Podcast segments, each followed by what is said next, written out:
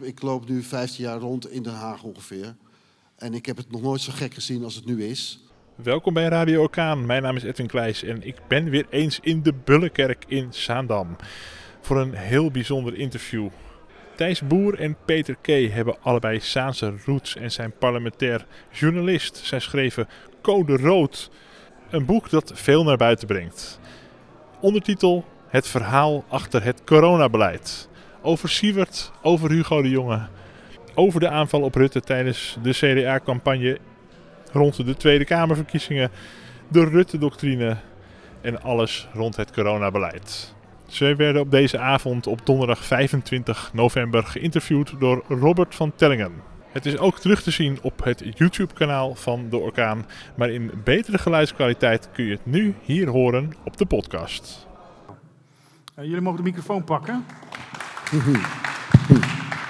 Hij doet het. Um, hoe Zaans zijn jullie eigenlijk? Nou ja, ik ben volledig Zaans. Ik ben opgegroeid in de straat hierachter, in de Tuinstraat. Uh, samen met een van de gasten, de mensen die hier in het publiek zitten, Hans Pieters. Daarna met Hans Pieters samen ook naar de Ooifstraat gegaan. Zo heette die toen nog. Ik weet niet meer hoe die nu inmiddels heet, maar uh, een paar straten verderop dus. De Westerkim is dat. De Westerkim, ja. ja. Um, daarna gaan voetballen bij ZCFC natuurlijk. Je kent die club wel, denk ik. Zeker. De mooiste club van Zaanstad. Daarom. En uh, naar Blaise Pascal College gegaan. Dat afgemaakt. En toen heb ik de, Zaan, ben ik de Zaanstreek verlaten. En ingeruild voor Amsterdam. En hoe, hoe, hoe is dat voor jou, Thijs?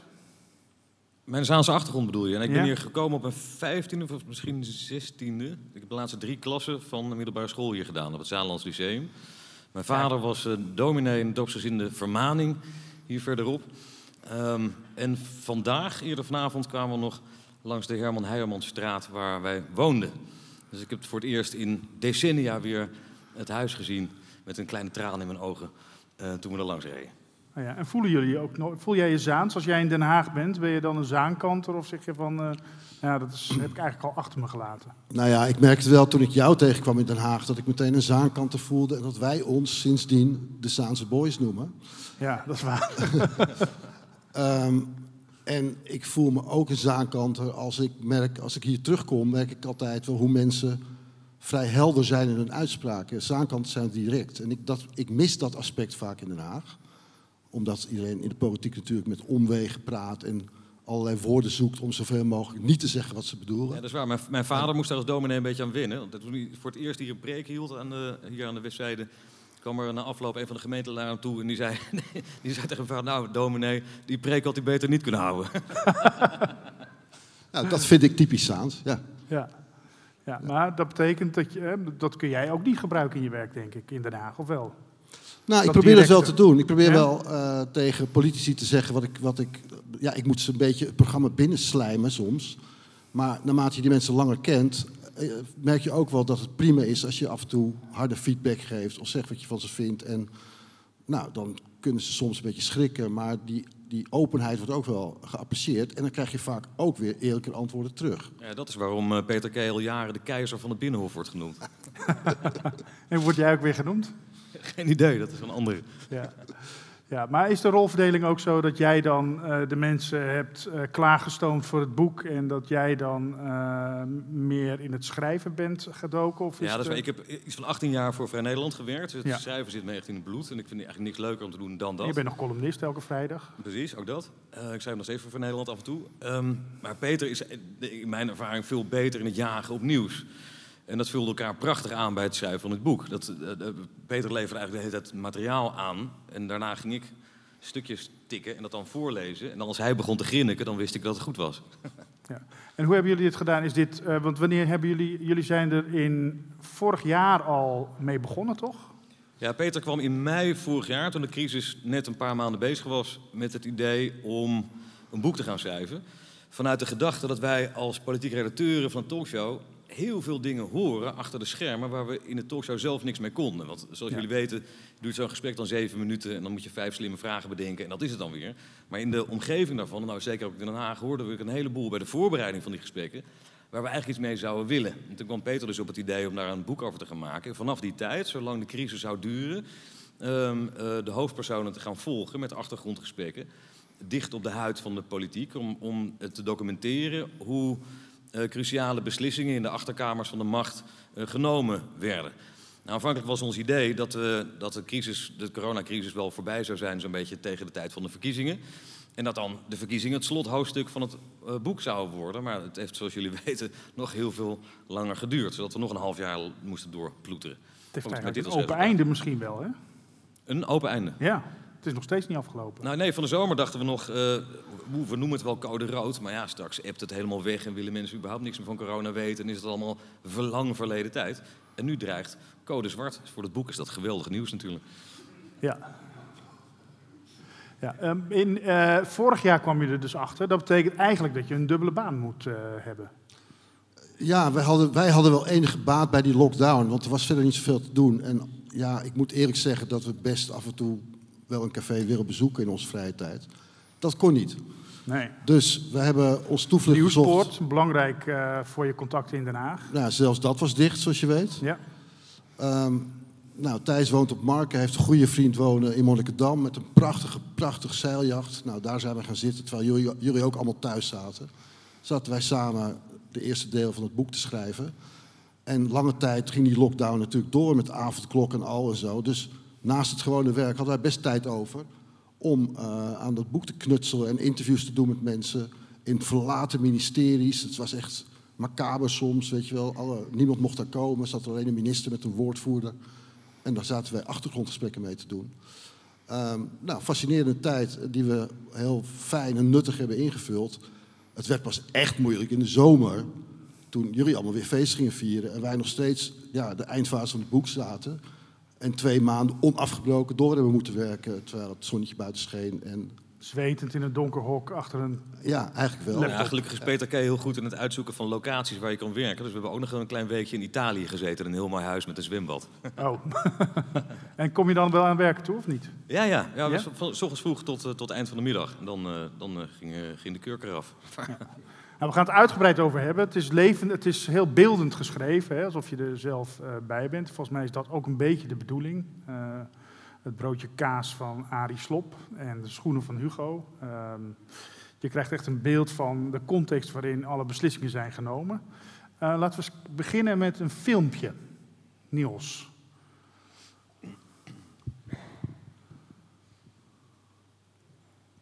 Ja? Jij gaat beginnen. De eindstreep van de coronacrisis is in zicht. En dat is maar goed ook. Want we zijn er allemaal ontzettend klaar mee. Als we nu niet volhouden, schieten we meteen weer naar een nieuwe hoge piek. Hou vol. Er gloort weliswaar heel voorzichtig licht aan het eind van de tunnel. En tot die tijd, hou vol. En dat is tot 1 juni. Uiteraard is er wel licht aan het eind van de tunnel. Uh, later dit jaar dat we misschien eindelijk van die ellende af zijn. Volgende week dan zou de lockdown aflopen. Verlengen we met drie weken tot 9 februari. 21 april komt gewoon echt te vroeg. En daarom is het ongelukkig dat die datum vorige week voortijdig naar buiten is gekomen. 28 april is de volgende datum waarop het zou kunnen. En als het dan niet kan, is het 3 mei of 6 mei. En als dat niet kan, is het 13 mei. En het duurt nog even, maar het einde van deze crisis komt met elke prik dichterbij. We zijn er bijna. We zijn er bijna. En nu is het zoals in dat bekende liedje. We zijn er bijna, maar nog niet helemaal. Op vrijdag 13 augustus hopen we te besluiten of we die laatste echt beperkende maatregelen gedag kunnen zetten. Want we zijn er bijna, maar nog niet helemaal. We zijn er bijna, maar nog niet helemaal. Het, het is een beetje zwabberen van uh, uh, te vroeg van, uh, van de maatregelen af en te laat de maatregelen nemen. Mag ik het zo goed samen, samenvatten, Thijs? Ja, ja, dat is een patroon dat je het hele jaar al zag. het begon eigenlijk al met de, het vaststellen van een strategie. Helemaal in het begin, in de bekende beruchte katshuissessie... waar ze voor het eerst bij elkaar kwamen de eerste lockdown-maatregelen aan te kondigen... Um, kort daarop heeft Rutte die toespraak tot de natie gehouden, die straks nog even voorbij zal komen, begrijp ik.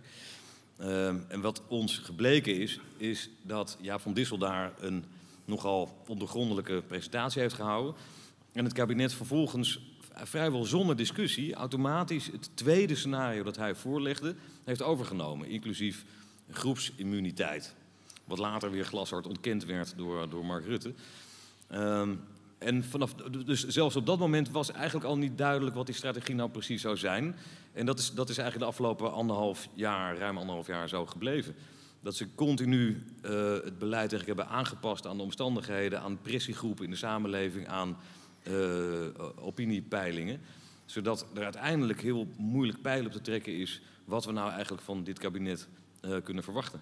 Wie is de baas, Peter?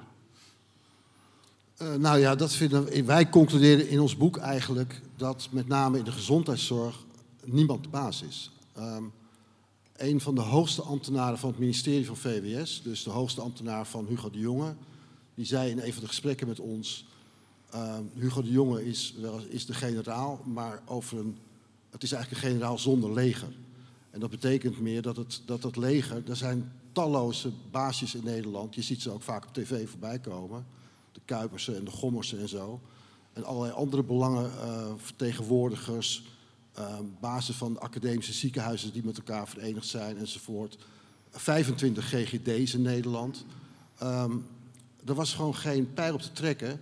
Dus je had die baas, maar die moest de hele tijd eigenlijk vragen om uh, dat de anderen met hem mee wilden werken. En zo zie je, dat, dat leger is er wel, maar het, gaat, het heeft talloze baasjes. Ja, Jaap van Dissel is een baas. Een baasje, ja. Wat vind jij van Jaap van Dissel, Thijs? Oeh, goede vraag. Nou ja, wat mij zeer getroffen heeft, als je reconstrueert wat Jaap van Dissel allemaal gezegd heeft, dan, uh, dan kan je er niet anders dan in verbijstering naar kijken.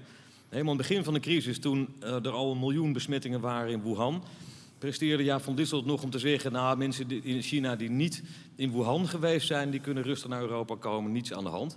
Weken later, toen uh, uh, heeft hij nog verkondigd, er is eigenlijk ge überhaupt geen enkel risico dat, uh, dat het virus uit Europa zal bereiken. Terwijl het daar dus al om zich heen greep.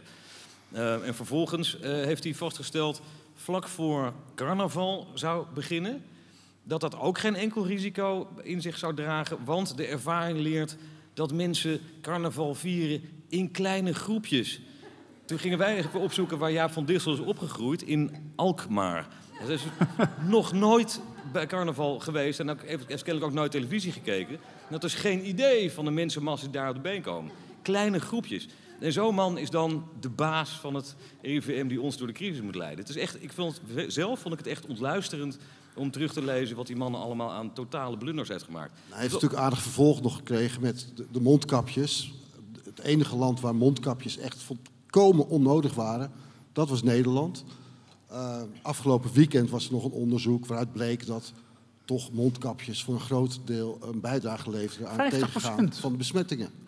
50% minder besmettingen als iedereen een mondkapje draagt. Precies. Dus, en het was september vorig jaar of oktober vorig jaar dat Mark Rutte onder grote druk van uh, maatschappelijke druk in de Kamer zo de, de, zich tot de Kamer richtte en zei: Oké, okay, ik ben ervoor dat we mondkapjes gaan gebruiken. En toen ze nog, meent u dat nou? Weet je, eigenlijk, hij, hij bedoelde eigenlijk, ik vind het nog steeds flauwekul, maar we moeten het nu maar gaan doen. Nou, dat heeft alles met Van Dissel te maken. Ja, maar toch wordt Van Dissel nog als enige heel serieus genomen. Want al die andere OMT-leden, Gommers gisteren, die zei dat de code zwart was, of eergisteren was dat, sorry. Uh, wat hij al voor de vijfde keer heeft gezegd, ja. dat code zwart in aantocht is. Volgens mij wordt hij niet meer serieus genomen. Nou, Diederik Gommers heeft zichzelf in ieder geval heel vaak tegengesproken. Die was eerst heel erg voor een avondklok en toen weer heel erg tegen. En toen toch opeens weer voor toen hij door Jaap van Dissel was gebeld en zo. Dus die man zwabbert voortdurend. Die past continu zijn standpunt aan. Wat je Jaap van Dissel in ieder geval niet kan kwalijk nemen... is dat hij voortdurend van standpunt wisselt. Hij houdt namelijk ijzeren heinig vast aan zijn eigen gelijk. En die, en die kwaliteit die wordt in het kabinet enorm gewaardeerd. Want we hebben, we hebben voor jullie goede begrip in de afgelopen anderhalf jaar vrijwel alle politieke, bestuurlijke hoofdpersonen eh, tijdens de coronacrisis uitvoerig gesproken. De meeste zelfs verschillende keren. Ja. En die zeiden allemaal, Jaap van Dissel is zo'n gouden kracht, want die houdt voet bij stuk en die, die houdt koers. Eh, als wij het allemaal niet meer weten, dan is Jaap er altijd nog. Maar je zou net zo goed kunnen zeggen dat het de koppigheid van Jaap is die, uh, die een heleboel ellende heeft aangericht. Hebben jullie Jaap van Dissel gesproken of niet? Nee, hij is de enige van die, ook wonderlijk, de enige van al die hoofdpersonen die niet met ons wilde praten. Waarom? Geen idee. Dat vond hij nou, afleiding kijk, of zo die niet nodig ja, was. Nou, de, de, andere kant daarvan is, wat nog een beetje voor hem pleit, is dat hij ook niet dagelijks in die talkshows heeft gezeten natuurlijk. Uh, wat Gommers nee. en Kuipers allemaal wel deden en wat, wat hen door het kabinet wel redelijk kwalijk wordt genomen. In het begin werden ze gezien als mensen die, waarvan het nuttig was dat ze op tv waren om mensen bij te praten over die crisis. inmiddels is met name Diederik Gommers zien ze echt als een enorme plaag. En dat komt vooral doordat hij steeds weer dat andere, een ander standpunt vertegenwoordigt. En steeds eigenlijk paniek loopt te zaaien. Dus wat je net al zei, hij heeft al vijf keer eerder gezegd dat code zwart dreigde, toch?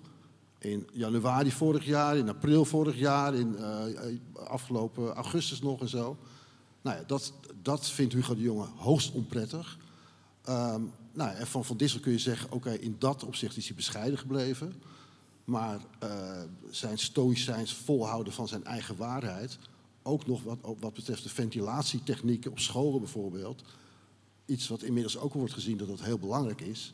Nou, hij bleef er volhouden, dat doet niet ter zake. Nou, dat, vier, vijf van dat soort punten is toch best wel een minpuntje, zeg.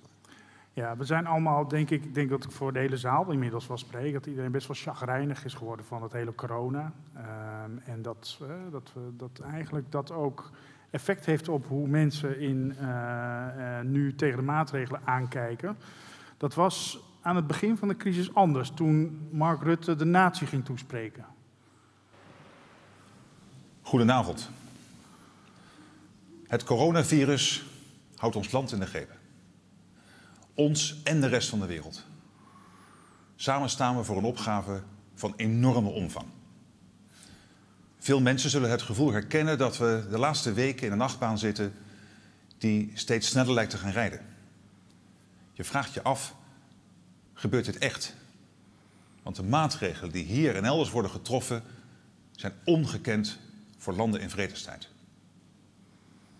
De realiteit is dat het coronavirus onder ons is en voorlopig ook onder ons zal blijven. Er is geen eenvoudige of snelle uitweg uit deze zeer moeilijke situatie. De realiteit is ook dat de komende tijd een groot deel van de Nederlandse bevolking met het virus besmet zal raken. Dat is wat de deskundigen ons nu vertellen.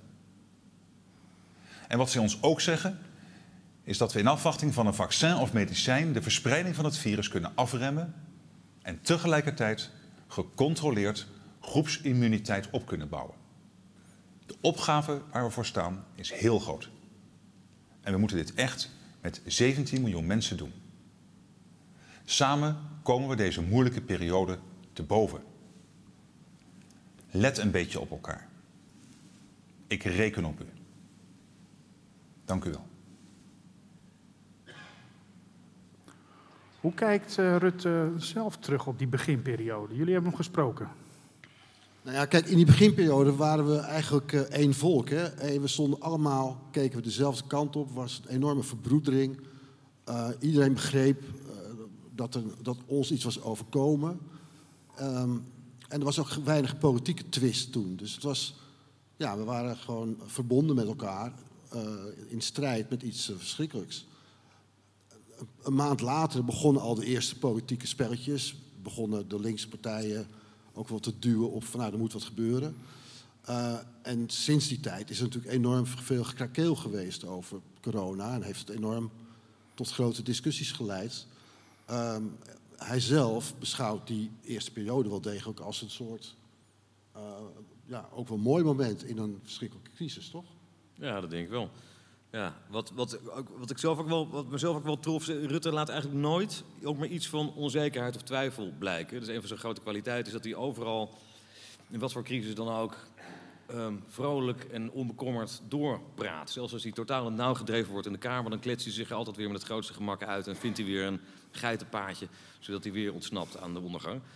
Um, maar wat hij ons vertelde, um, is dat het allereerste moment in het katshuis, toen ze besloten hadden dat, uh, dat Nederland in lockdown moest, uh, de horeca dicht moest diezelfde dag, uh, waren er een aantal uren voordat die maatregelen bekend zouden worden gemaakt. Tussen de katshuisvergadering en dat bekend zou worden gemaakt. En in die uren is hij toen met zijn secretaris-generaal een rondje gaan lopen door de tuin van het katshuis.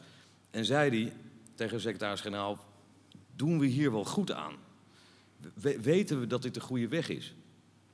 En dat vond ik wel een mooie bekentenis, want stel je voor dat je zo'n gigantische verantwoordelijkheid draagt. Dat je 17, meer dan 17 miljoen mensen in Nederland opeens moet dwingen een heel ander leven te gaan leiden. Um, hoe ongelooflijk zwaar dat op je drukt ook. Ja, dat vond ik een van de mooie, mooie momenten in het boek. Dat, wat, wat we hebben geprobeerd te doen is niet alleen heel kritisch te beschouwen wat er allemaal gebeurd is onderweg, maar ook met enig inlevingsvermogen te laten zien wat die hoofdrolspelers zelf hebben meegemaakt. En dit vond ik een van die mooiere momenten. Waarbij ja. aangetekend dat Rutte natuurlijk later ook op alle mogelijke manieren zich uh, uit allerlei lastige situaties heeft gekletst en zichzelf vaak heeft tegengesproken. Maar dat vond ik in ieder geval mooi om te kunnen optekenen. Nou ja, een van de dingen die je hier zegt is dat, dat we het virus gecontroleerd in het land laten rondgaan. En dat we streven naar groepsimmuniteit. Ja. Wat hij later ontkend heeft. Ja, hij heeft een paar maanden later glashard in de Kamer gezet. Ik heb nooit een speech gehouden over groepsimmuniteit. Nou. Terwijl 7 miljoen mensen dit zagen gebeuren op televisie. Maar dat was typisch, typisch weer zo'n zo'n zo'n Ruttiaanse handigheid. De speech zelf ging niet in zijn geheel over groepsimmuniteit. Nee, dat is waar. Maar hij heeft hem wel degelijk genoemd. Dus hij, heeft de handigheid om een soort halve waarde te spreken en daarmee zich weer uh, uit de nesten te klitsen. Maar hebben we dan een slecht parlement dat die hem niet hierop kunnen aanspreken? Ja, de enige of niet die genoeg hem, die aanspreken? nou, de enige die, die het, uh, in mijn ervaring althans, Rutte echt serieus lastig wist te maken maandenlang, is Lodewijk Asscher. Die kreeg helaas een mes in zijn rug geplant door zijn eigen partij, zodat hij het veld moest ruimen. Tot grote opluchting van Mark Rutte. Ja, als je, bevroeg, als je bevroeg me ook over die groepsimmuniteit, die overigens oorspronkelijk kudde-immuniteit heette. Hoe? Kudde-immuniteit. Kudde-immuniteit. Ja, dat was waar Jaap van Dissel mee kwam. Mark, je moet het hebben over kudde-immuniteit. Maar de mensen van de, van de communicatieafdeling die zeiden... ja, dat woord moet je niet gebruiken, want dat, dan lijkt het wel vee. Laten we het groepsimmuniteit noemen. Als je vroeg hem daarover in de Kamer... en toen zei hij keihard, daar heb ik het niet over gehad. Ik heb nooit een toespraak gehouden over groepsimmuniteit. En Asje was echt goed om het Rutte moeilijk te maken in de Kamer. Maar die komt er dan niet doorheen, omdat Rutte gewoon stoïcijns steeds eromheen blijft lullen, weet je wel. Zelfs Asje lukt het niet om klem te zetten. Ja, we gaan straks een aantal hoofdpersonen langs. Ronde Omtzigt, Hugo de Jonge, Siewert hebben we nog staan. En Vert Grapperhaus. Want die had toch wel een slechte ervaring. Want die, aan het begin van de crisis was iedereen volgens mij heel erg uh, tevreden over zijn uh, stevige optreden als het gaat over corona. Ja, dan mocht hij af en toe een donderpreekje houden tot de natie. Als de mensen weer, ik geloof dat het uh, eerste paasdag was of zo, dat iedereen er vrolijk op uittrok. Kort na deze speech trouwens, waarin Rutte ertoe opriep om vooral veel thuis te blijven en zo. Het was een prachtige, stralende paasdag. Dus iedereen ging naar de Meubelboulevard, lekker op het strand, lekker het bos in. Vervolgens was Grapperhaus degene die de natie vermanend moest toespreken. En dat deed hij zo krachtig dat, hij, dat men daar wel een zekere waardering voor had. Uh, op een gegeven volgens mij nog foto's van. Niels, keer die even, even een paar verder, dan zien we... Ja, die komt zo, de trouwerij. Eentje verder nog, Niels. Ja, nee, nog eentje. Ja, kijk hier. Ik zou bang worden als deze man me aansprak. Ja, hij, woont, hij woont zelf vlakbij het, in de Van Egenstraat, geloof ik, vlakbij het Vondelpark. Oh, en, okay. en ging, daar, uh, ging daar een rondje fietsen. En okay. mensen vermanen en toespreken. Daar komt het beroemde filmpje vandaan, Chickies in het Vondelpark. Ja, die is de volgende volgens mij. Hebben we die ook, hè? Chickies in het Vondelpark? Die? Oh ja, dat is een beetje een slechte foto. Ja. Dit zijn de chickies waar hij het over heeft, ja, hè? precies. Keurig meiden, anderhalve meter afstand. Hou zo vol, zoiets gaat hij dan zeggen. En dan fietst hij weer vrolijk fluitend uh, verder. Nou, toen was die man heel even de held van de natie. En die noemt hij dan chickies? Chickies, ja. ja, dat Oké. vonden wij allemaal heel leuk natuurlijk. Ja, maar daarna gaat het wat minder goed. Kun je weer teruggaan, Niels, naar het begin. Uh, ja, hier. Dit ging niet zo goed. Nee. Jij wil een stukje voorlezen, Nou, hè, Thijs? Ja, ja. kijk, wat, ja, ik, ik vond schrijven dus vreselijk leuk. Um, en wat, wat we geprobeerd hebben is het boek zo filmisch mogelijk op te schrijven. Dus zo in de traditie van um, we zeggen, de, de grote Amerikaanse journalisten die um, de levens van presidenten en grote verkiezingscampagnes in beeld hebben gebracht. Die, die boeken zijn altijd gebaseerd op duizend verschillende bronnen en met heel veel details. Nou, zo hebben we dat ook geprobeerd te doen op onze eigen kleinere manier hier in Nederland. Um, en om dat levendige proza, althans de poging daartoe te illustreren, wou ik dus even een klein stukje over onze Vert voorlezen. De titel van het hoofdstuk is Een schitterend ongeluk in komkommertijd. In de eerste drie weken van augustus beleeft Nederland een hittegolf, waardoor die maand te boek komt te staan als de één na warmste ooit gemeten. Pas op 22 augustus daalt de gemiddelde, temperatuur onder de 23 graden. De dag begint droog en zonnig, maar dan wakkert de zuidwestenwind aan. In de middag ontwikkelen zich stapelwolken die in de avond uitgroeien tot plaatselijke buien. Door de wind voelt het frisser aan dan het in werkelijkheid is. Ja, de goede verstaander begrijpt, daar komt hij al. Daar, komt het, eh, het, het onheil oververt al aan de horizon. En zo begint de huwelijksdag van Ferdinand Grapperhaus. Op de rand van een warme zomer en een kille herfst. Maar daar heeft de minister van Justitie en Veiligheid nog geen weet van... als hij vol verwachting opstaat thuis in Amsterdam... en zijn lichtgrijze zomerpak aantrekt dat hij al klaar heeft hangen voor zijn bruiloft met Lisbeth Wietses, zijn nieuwe liefde sinds zijn eerste vrouw in 2016 aan kanker overleed. Vanwege de coronaregels hebben ze niet meer dan 35 mensen uitgenodigd. Hun beide gezinnen, ze hebben allebei kinderen en kleinkinderen uit een eerder huwelijk, de getuigen en enkele trouwe vrienden. Het gezelschap komt die middag bijeen in het oude raadhuis van Bloemendaal, een statig landhuis omgeven door een park met bruisende fonteinen. Het huwelijk wordt voltrokken door VVD-collega Ankie Broekers-Knol. Daar. Daar staat ze. Met de, met de witte bef. In, in toga Zij, met witte ja. bef. Die voor de, ze is er heel mooi mee weggekomen trouwens. Ja. Ehm, die voor de gelegenheid een groen-zwarte toga met witte bef heeft aangetrokken. Ook vanwege corona zijn de gasten streng geïnstrueerd. Ik ben er bijna hoor. Maar dat laatste zinnetje moet jullie nog even horen. Ook vanwege corona zijn de gasten streng geïnstrueerd over de anderhalve meter. Zijn ze geplaceerd in het zaaltje waar de plechtigheid plaatsvindt. En worden ze door ceremoniemeester Harold Hamersma, dat wisten we ook niet, vermaard wijnkenner en boezemvriend van de bruidegom, luidkeels aangemoedigd zich vooral aan de regels te houden. Mensen, mensen, denk aan de anderhalve meter. Aan de bruiloft is verder geen rugbaarheid gegeven om extra toeloop te voorkomen. Na de feestelijke foto op het bordes begeeft het gezelschap zich naar een nabijgelegen restaurant waar de feestelijkheden tot laat in de avond worden voortgezet. Die nacht valt Ferdinand Grapperhaus moe, maar tevreden in slaap naast zijn bruid. En nu komt hij. De huwelijksnacht zou misschien onrustiger zijn geweest als de bruidegom had geweten dat paparazzo-fotograaf Ferry de Kok de hele middag in de struiken rond het raadhuis heeft rondgestruind om de bruiloft met de telelens te fotograferen. Doe maar een filmpje, Niels. Doe maar. Op het pijltje. Ja.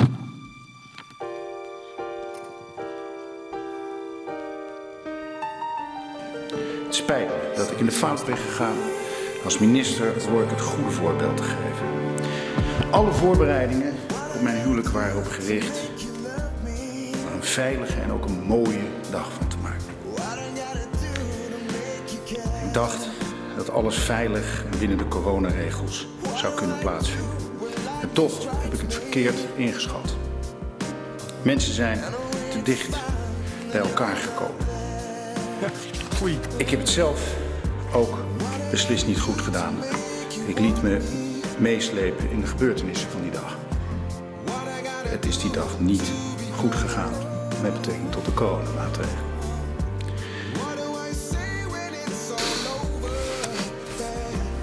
Ah, dit...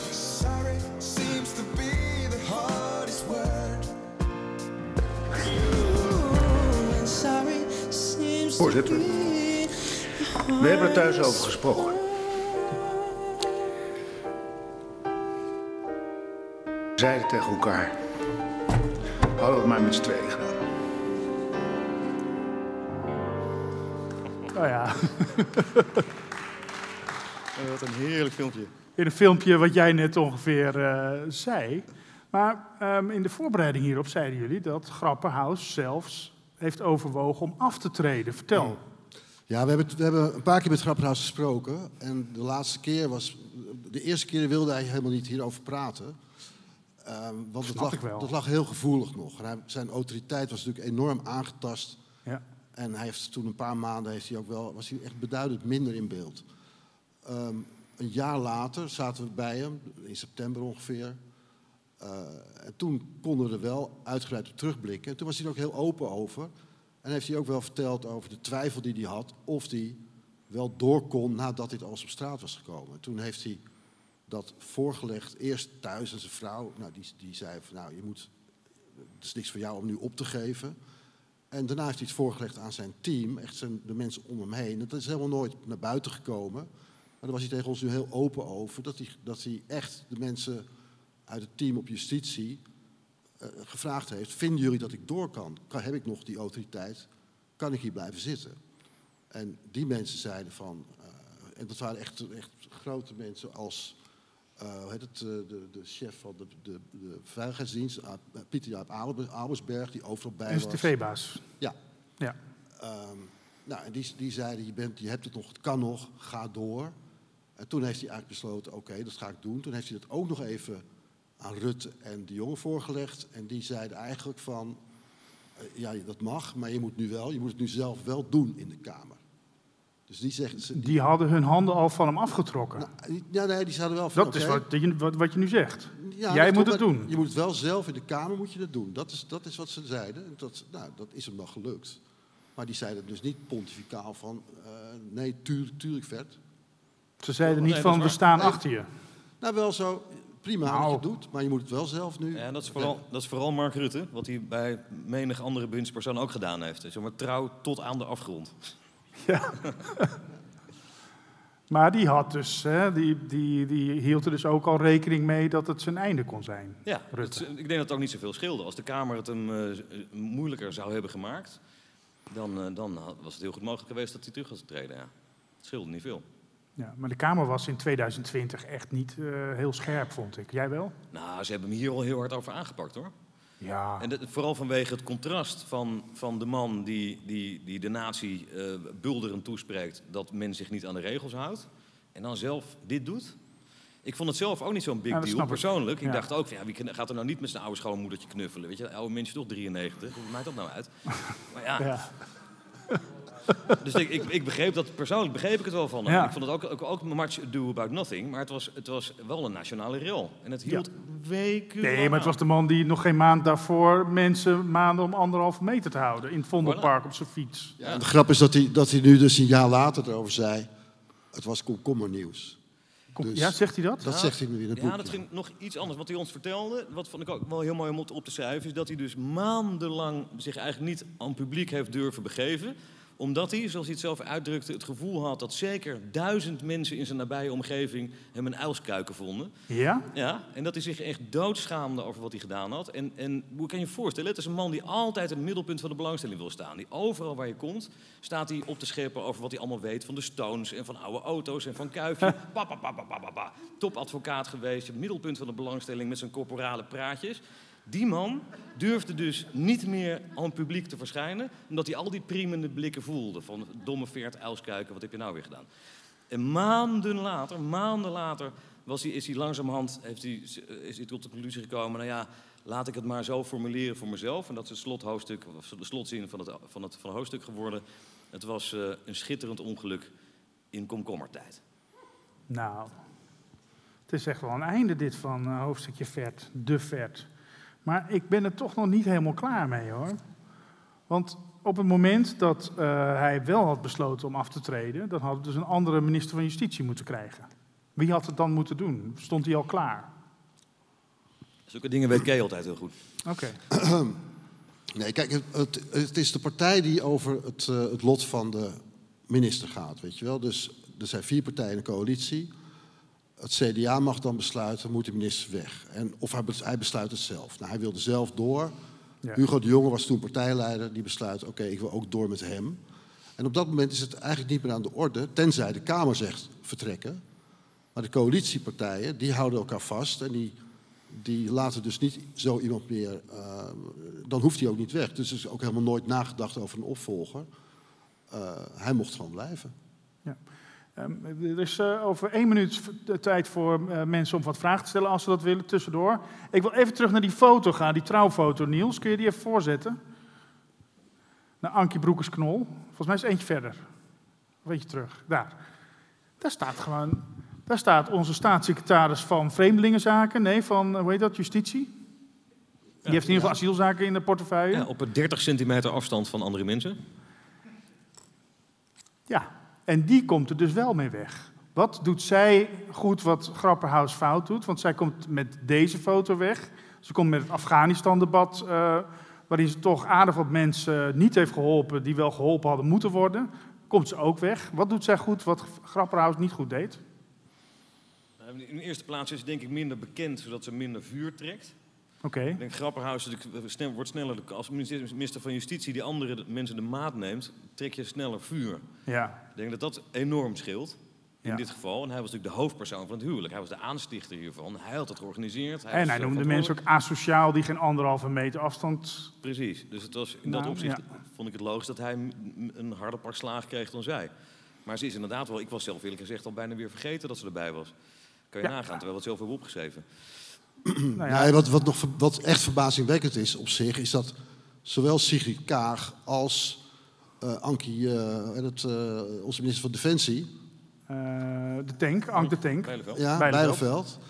Moesten vertrekken vanwege het falen in Afghanistan. Het, het niet terughalen van de mensen op tijd. En dat deze mevrouw gewoon is blijven zitten, terwijl ze dat echt met z'n drieën besloten hebben. Dus dat, en dat Ankie Broekers-Knolk echt op de rem stond om mensen terug te halen, want die wilden geen Afghanen binnen hebben.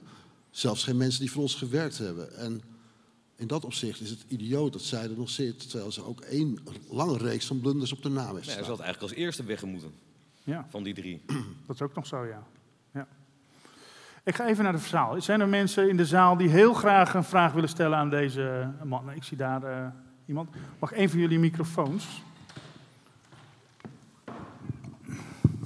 Kijk eens. Ja, dankjewel Peter de Lange.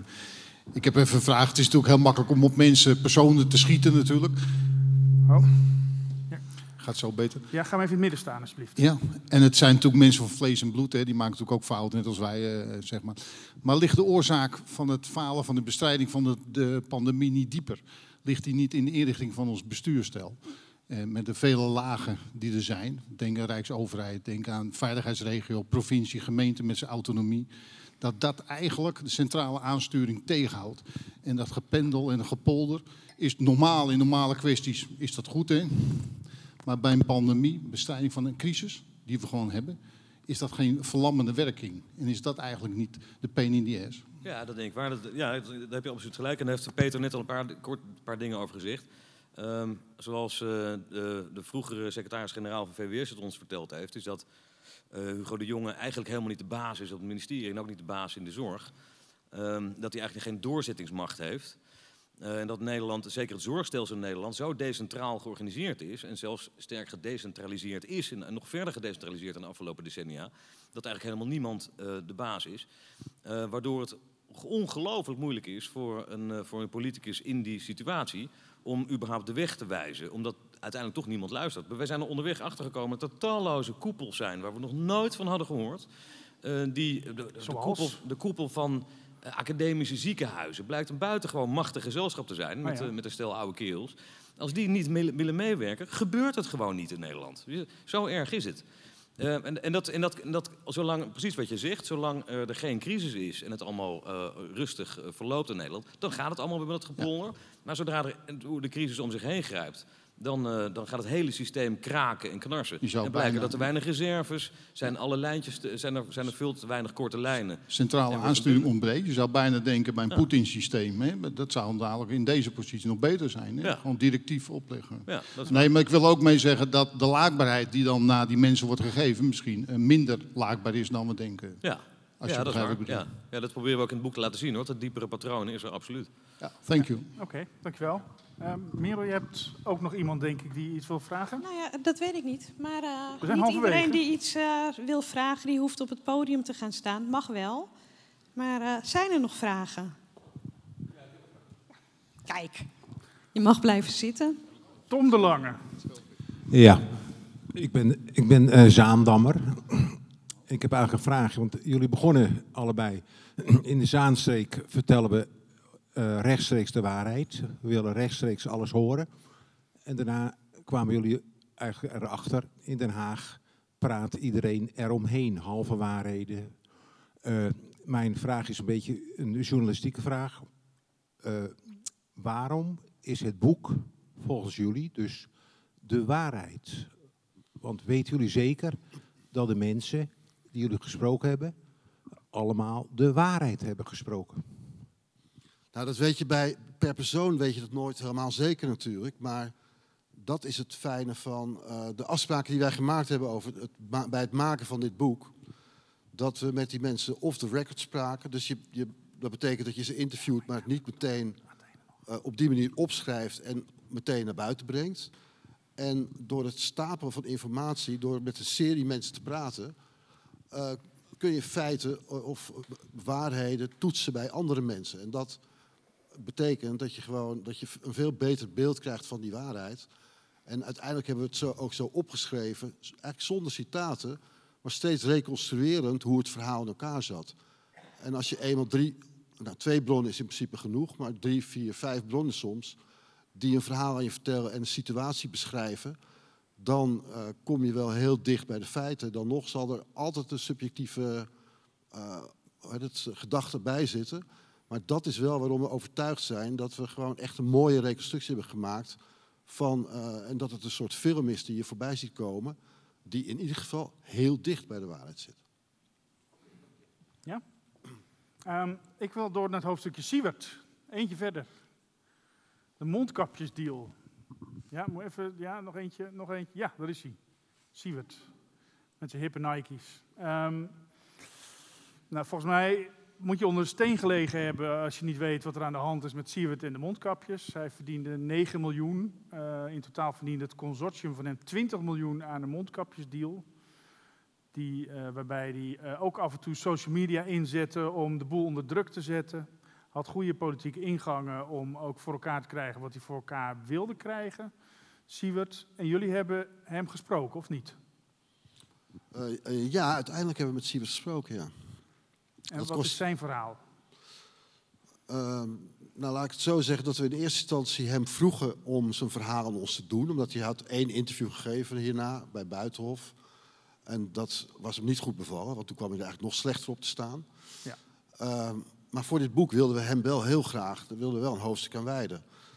Toen zijn we bij de andere kant op zoek gegaan naar het verhaal. Dus mensen die met hem, die, die had de LCH, dat was het Landelijk Centrum hulpmiddelen. hulpmiddelen. Nou, die kochten in. En die kregen met hem te maken. Dus we zijn bij, bij hen op zoek gegaan naar hoe is het nou precies gegaan. Hoe kan het nou dat hij zo'n grote rol heeft gekregen. We zijn bij het ministerie gaan vragen van hoe is het nou precies gegaan. Hebben daar toen een verhaal op gebaseerd. En dat aan Siewert voorgelegd, zoals je dat doet. Hè? Hoor en wederhoor.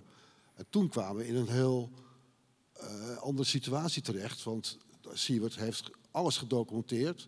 En heeft uh, drie advocaten inmiddels in de arm genomen. Oh. En die begon meteen te zeggen van ja, maar deze feiten kloppen niet. Waar hij op sommige punten ook gelijk in had, want het was de visie van een aantal mensen en, uh, die aan de andere kant zaten. En waar had hij wel gelijk in wat, uh, wat, wat uh, in de media anders was? Nou, een belangrijk ding, wat, wat op heel veel punten was het, het verhaal klopte wel, maar dan gaat hij op details, kan niet corrigeren. Dat leggen we dan ook weer voor de andere bronnen. Dus bedoel, uiteindelijk is het, is het verhaal steeds beter geworden daardoor. Maar wat erg ondersneeuwt in, het, in alles wat er tot nu toe over hem naar buiten komt. Het enige wat je ziet is een soort misdadiger die stiekem geld heeft verdiend. Ja. Is een deel van het verhaal. Het andere stukje is dat de overheid, dat een hoge ambtenaar daar heeft gezegd. Je moet wel ondernemersrisico verdisconteren in de prijs. Dat is de letterlijke formulering. Wat wil eigenlijk zoveel willen zeggen als je kunt het niet vanuit, dat hulp, van, vanuit je hulp, uh, uh, hoe heet dat ding ongeveer, de, de, de, die onbaatzuchtige stichting doen. Ja, hulptroepen.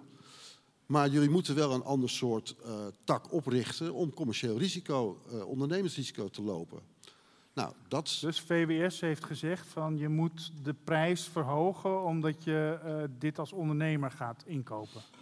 Nou, niet, niet, met zoveel woorden, maar dus letterlijk gezegd, je moet oh. het ondernemersrisico verdisconteren in het voorstel dat je aan ons kan gaan doen. Ja, maar dat is toch, je moet ze dus duurder maken dan ze eigenlijk zijn, of ja? Het, nou ja, het, komt er neer op neer dat hij in ieder geval het ondernemersrisico moest, bereid moest zijn het ondernemersrisico te dragen, omdat het ministerie dat niet voor hem wilde doen.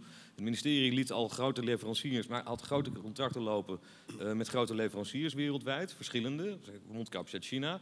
Op dat moment in de tijd was het zo dat onder leiding van Marten van Rijn het devies was op het ministerie: kopen, kopen, kopen. Koop alles wat los en vast zit, want de, de, we zitten klem, de pakhuizen moeten vol. We weten nooit wat er komen gaat. Denk ik dan. En in die situatie is toen uiteindelijk besloten om toch zaken met hem te doen. Omdat hij een redelijk en overzichtelijk en getoetst voorstel had. Maar toen hij dat kon voorstellen, met zelf in zijn hoofd, zoals wij het begrepen hebben, dat hij dat vanuit Stichting Hulptroepen om niet zou doen met elkaar, is hem op het ministerie te verstaan gegeven, op het allerhoogste niveau. Uh, dat hij dat ondernemersrisico moest verdisconteren. Vervolgens heeft hij een BV, aparte BV opgericht om die, alleen die ene leverantie in, op in, uh, die ene deal met de overheid in, uh, onder te brengen. Maar daarnaast is hij tot onze stomme verbazing achteraf blijven volhouden in alle talkshows en overal waar hij kwam, dat hij het allemaal om niet deed. En hij heeft nooit gezegd dat, dat deze deal een uitzonderingssituatie was. Ja. En dat hij, dat hij daar wel degelijk een, een commercieel belang bij had. En hij heeft zich sindsdien altijd beroepen op zijn, uh, op zijn zwijgplicht, omdat er geheimhouding uh, zou rusten op dat contract. Maar die geheimhouding die gaat alleen maar over de precieze cijfers en de precieze afspraken over de prijs. Dat is de concurrentiegevoelige informatie waar je niet meer naar buiten mag komen. Maar er staat ook helemaal nergens dat je niemand mag zeggen dat je een commerciële deal met de overheid hebt gesloten. En daar heeft hij zijn mond over gehouden. Zelfs ten opzichte van uh, zijn eigen medewerkers, die er nog steeds verschrikkelijk boos over zijn. Want die werkten zich allemaal uit de naad voor niks. En, voor, en later kwamen ze dus achter dat hij opeens 9 miljoen in zijn zak had. Maar goed, er, is, er loopt dus nog een Deloitte-onderzoek wat eindeloos lang duurt. En wat steeds werd, was opgehouden nog weer omdat iemand een dossier was vergeten in de trein. Dat, dat gebeurt heel vaak tegenwoordig ja. in Den Haag. Het is weer terecht inmiddels. Zonder dat het in de, Volkskrant heeft gestaan. Oh, heeft de Volkskrant niet gehaald. Nee. Maar uh, dat Deloitte-onderzoek, dat, ja, dat zal ook wat mij heel erg... Zij kunnen veel dieper kijken dan wij konden nog natuurlijk... naar wat de overheid precies heeft gevraagd van Siebert. Maar dat wordt wel een heel interessant stukje van het onderzoek. Wat hebben ze nou uh, precies opgelegd en waarom zijn ze toch uiteindelijk met hem in zee gegaan? Dat, daar mag nog wel een stukje iets duidelijker worden. Denk je dat ze dat onderzoek uh, over het nieuwe kabinet heen tillen? Dus als er een nieuw kabinet is, dat dan pas dat onderzoek naar buiten komt? nou, ik weet niet of dat lukt, want de formatie in Nederland is nog lang niet klaar. Ah, Sinterklaas, dus... kerst. Nee, maar dat, dat onderzoek komt pas volgend jaar. Ja? Okay. En dat zal zeker na dit kabinet zijn. Ja. Ik heb nog één vraag. Iemand in de zaal heeft een vraag. Um... Ah, zo gaat het.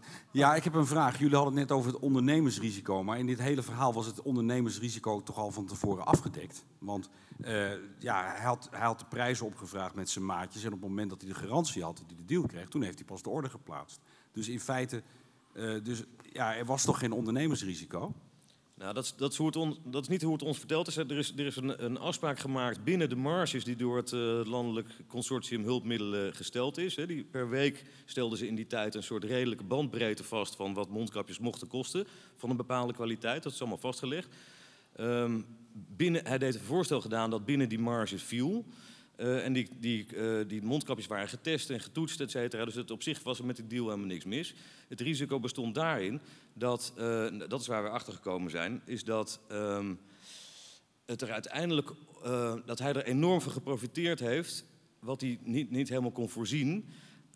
dat uiteindelijk op het moment dat hij orders moest plaatsen, dat die prijzen van mondkapjes gedaald waren in China, omdat de productie zo enorm gestegen was.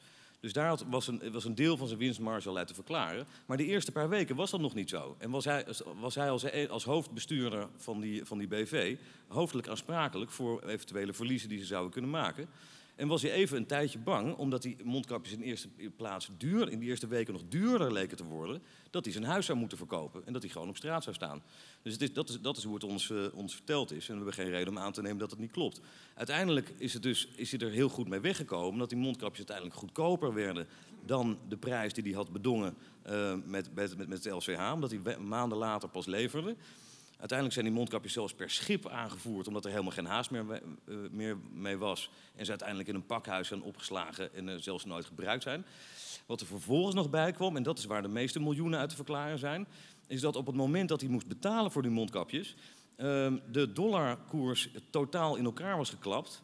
Waar hij enorm van profiteerde, omdat uh, de Nederlandse overheid niet beschikte over een, een eigen bankrekening in China zodat hij uiteindelijk met dollars daar moest betalen.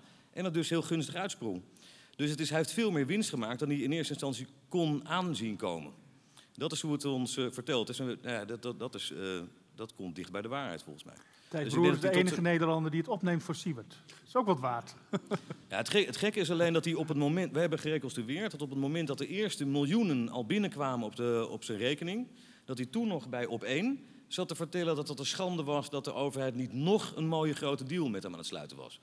Toen dacht ik, oeh, dan heb je wel lef. Ja. Dat de miljoenen al binnenkomen en je dan nog gaat beklagen over die lakse overheid die maar geen zaken met je wil doen.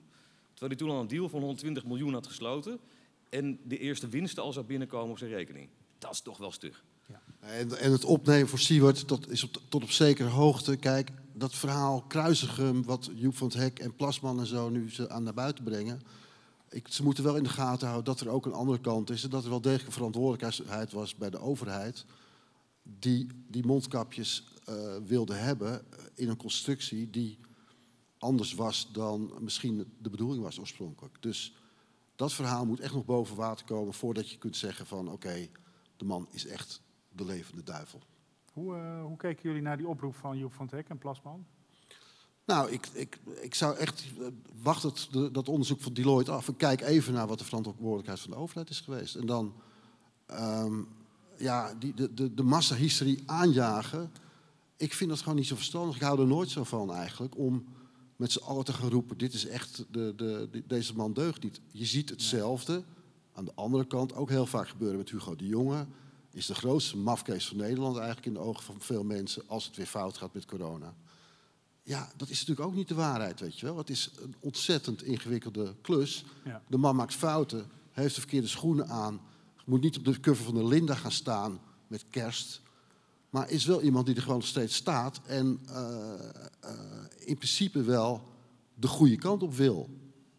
Met energie. En zijn voorganger lag na zes weken plat. Bruno Bruins. Even nog vraag aan Thijs. Um, jij zei het tot op het allerhoogste niveau bij VWS. En dan denk ik meteen aan de minister. Of bedoel je dan de secretaris-generaal? Ja, hij heeft een, ja, hij heeft een persoonlijk gesprek gevoerd met, uh, met Martin van Rijn, een call, zoals dat tegenwoordig gaat. Um, um, in het bijzijn van de secretaris-generaal, was dat toch? Ja, het was Bas van der Dungen van Financiën. Bas van Dungen, ja, precies. Die was, ja, dat, die, de secretaris-generaal van Financiën, die tijdelijk was uitgeleend aan VWS om in crisistijd daarbij te staan, omdat hij ooit uh, bij VWS had gewerkt. En die heeft toen uh, in het bijzijn van de minister tegen hem gezegd: Je moet dus wel bereid zijn je ondernemersrisico te verdisconteren. Dat is ons ook bevestigd door verschillende bronnen, ook door het ministerie. Dus dat is hoe het is gegaan. En dat is dus niet waar wat iedereen denkt, is dat Sievert van Linden daar oorspronkelijk zelf al op uit is geweest. Dat heeft hij daar te horen gekregen. Vervolgens heeft hij er gebruik van gemaakt. Dus het is net andersom. Ja, dus we moeten ophouden met hem de nationale paria te maken. Zeg nou ja, voor een deel verdient hij dat misschien ook weer wel. Want hij heeft het daarna, zoals ik net al zei, heeft hij, heeft hij al die weken en maanden zijn mond over deze deal gehouden. Terwijl die miljoenen al binnenkwamen, was hij nog het heilige boontje aan het uithangen. Onder verwijzing naar die geheimhoudingsplicht, die eigenlijk helemaal niet gold voor de deal als geheel. Dus dat, dat blijft, blijf ik wel twijfelachtig vinden. En daarmee heeft hij heel veel mensen, en ook mensen in zijn nabije omgeving, die met hem samenwerkten voor helemaal niks, op het verkeerde been gezet. En die zijn er nog steeds een terecht verschrikkelijk kwaad over. Dus hij heeft wel degelijk een boel boter op zijn hoofd. Alleen net niet zoveel als veel mensen denken. Ja. Uh, wat had omzicht met Siewert van Lienen te maken? Die heeft ja, die, toch geholpen of niet? Ja, die heeft er nog een handje geholpen, ja. Daar ook nog? Daar meer van. Oh. Ja, kijk, Siewert en Omzicht hadden contact. Want er was, ze zaten beide in de programmacommissie van het uh, CDA. En Siewert heeft echt absoluut enorm gebruik gemaakt van zijn contacten bij het CDA. Um, en die heeft op een gegeven moment, uh, is Omzicht naar het uh, torentje gegaan, met met, en naar, de Kamer ook, met het idee, we moeten de BTW van de mondkapjes afhalen, want dat betekent dat, we, dat, uh, dat ze makkelijker geleverd kunnen worden, dat ze goedkoper binnen kunnen komen en dat is ook voor die ondernemers aantrekkelijker. Nou, dat werd, de Kamer ging dat even regelen. Dus de BTW werd van de mondkapjes afgehaald. Nou ja, best uh, vervelend als je later hoort dat uh, iemand er enorm veel geld mee heeft verdiend. Baalde omzicht daarvan?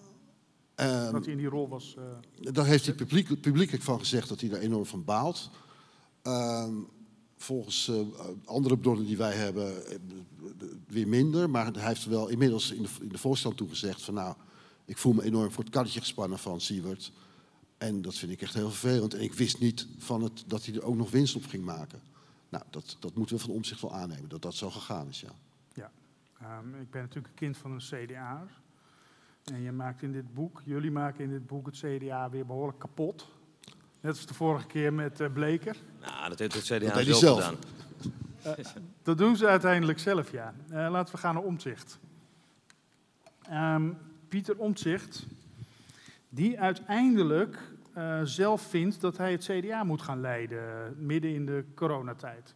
Hoe groot was die verrassing dat hij uh, ineens op, hoe zeg dat, op het podium stapte? Ja, dat was enorm groot, want we dachten allemaal het gaat tussen Hugo de Jonge en Wopke Hoekstra. Maar Wopke Hoekstra verraste het CDA door opeens te zeggen ik ben toch geen kandidaat. Hugo de Jonge zou ook plaatsmaken voor Wopke Hoekstra als hij zich had aangediend. Zo waren de kaarten eigenlijk geschud. Wopke Hoekstra moest het doen. Deed het niet. Hugo de Jonge, verantwoordelijk, uh, een man die verantwoordelijkheid neemt. Een echte Calvinist, je kent dat wel. Als ze zeggen, ja.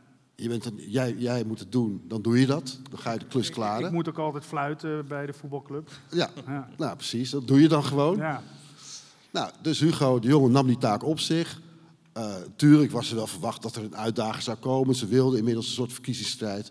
Mona Keizer diende zich aan. Nou, dat zagen ze wel aankomen.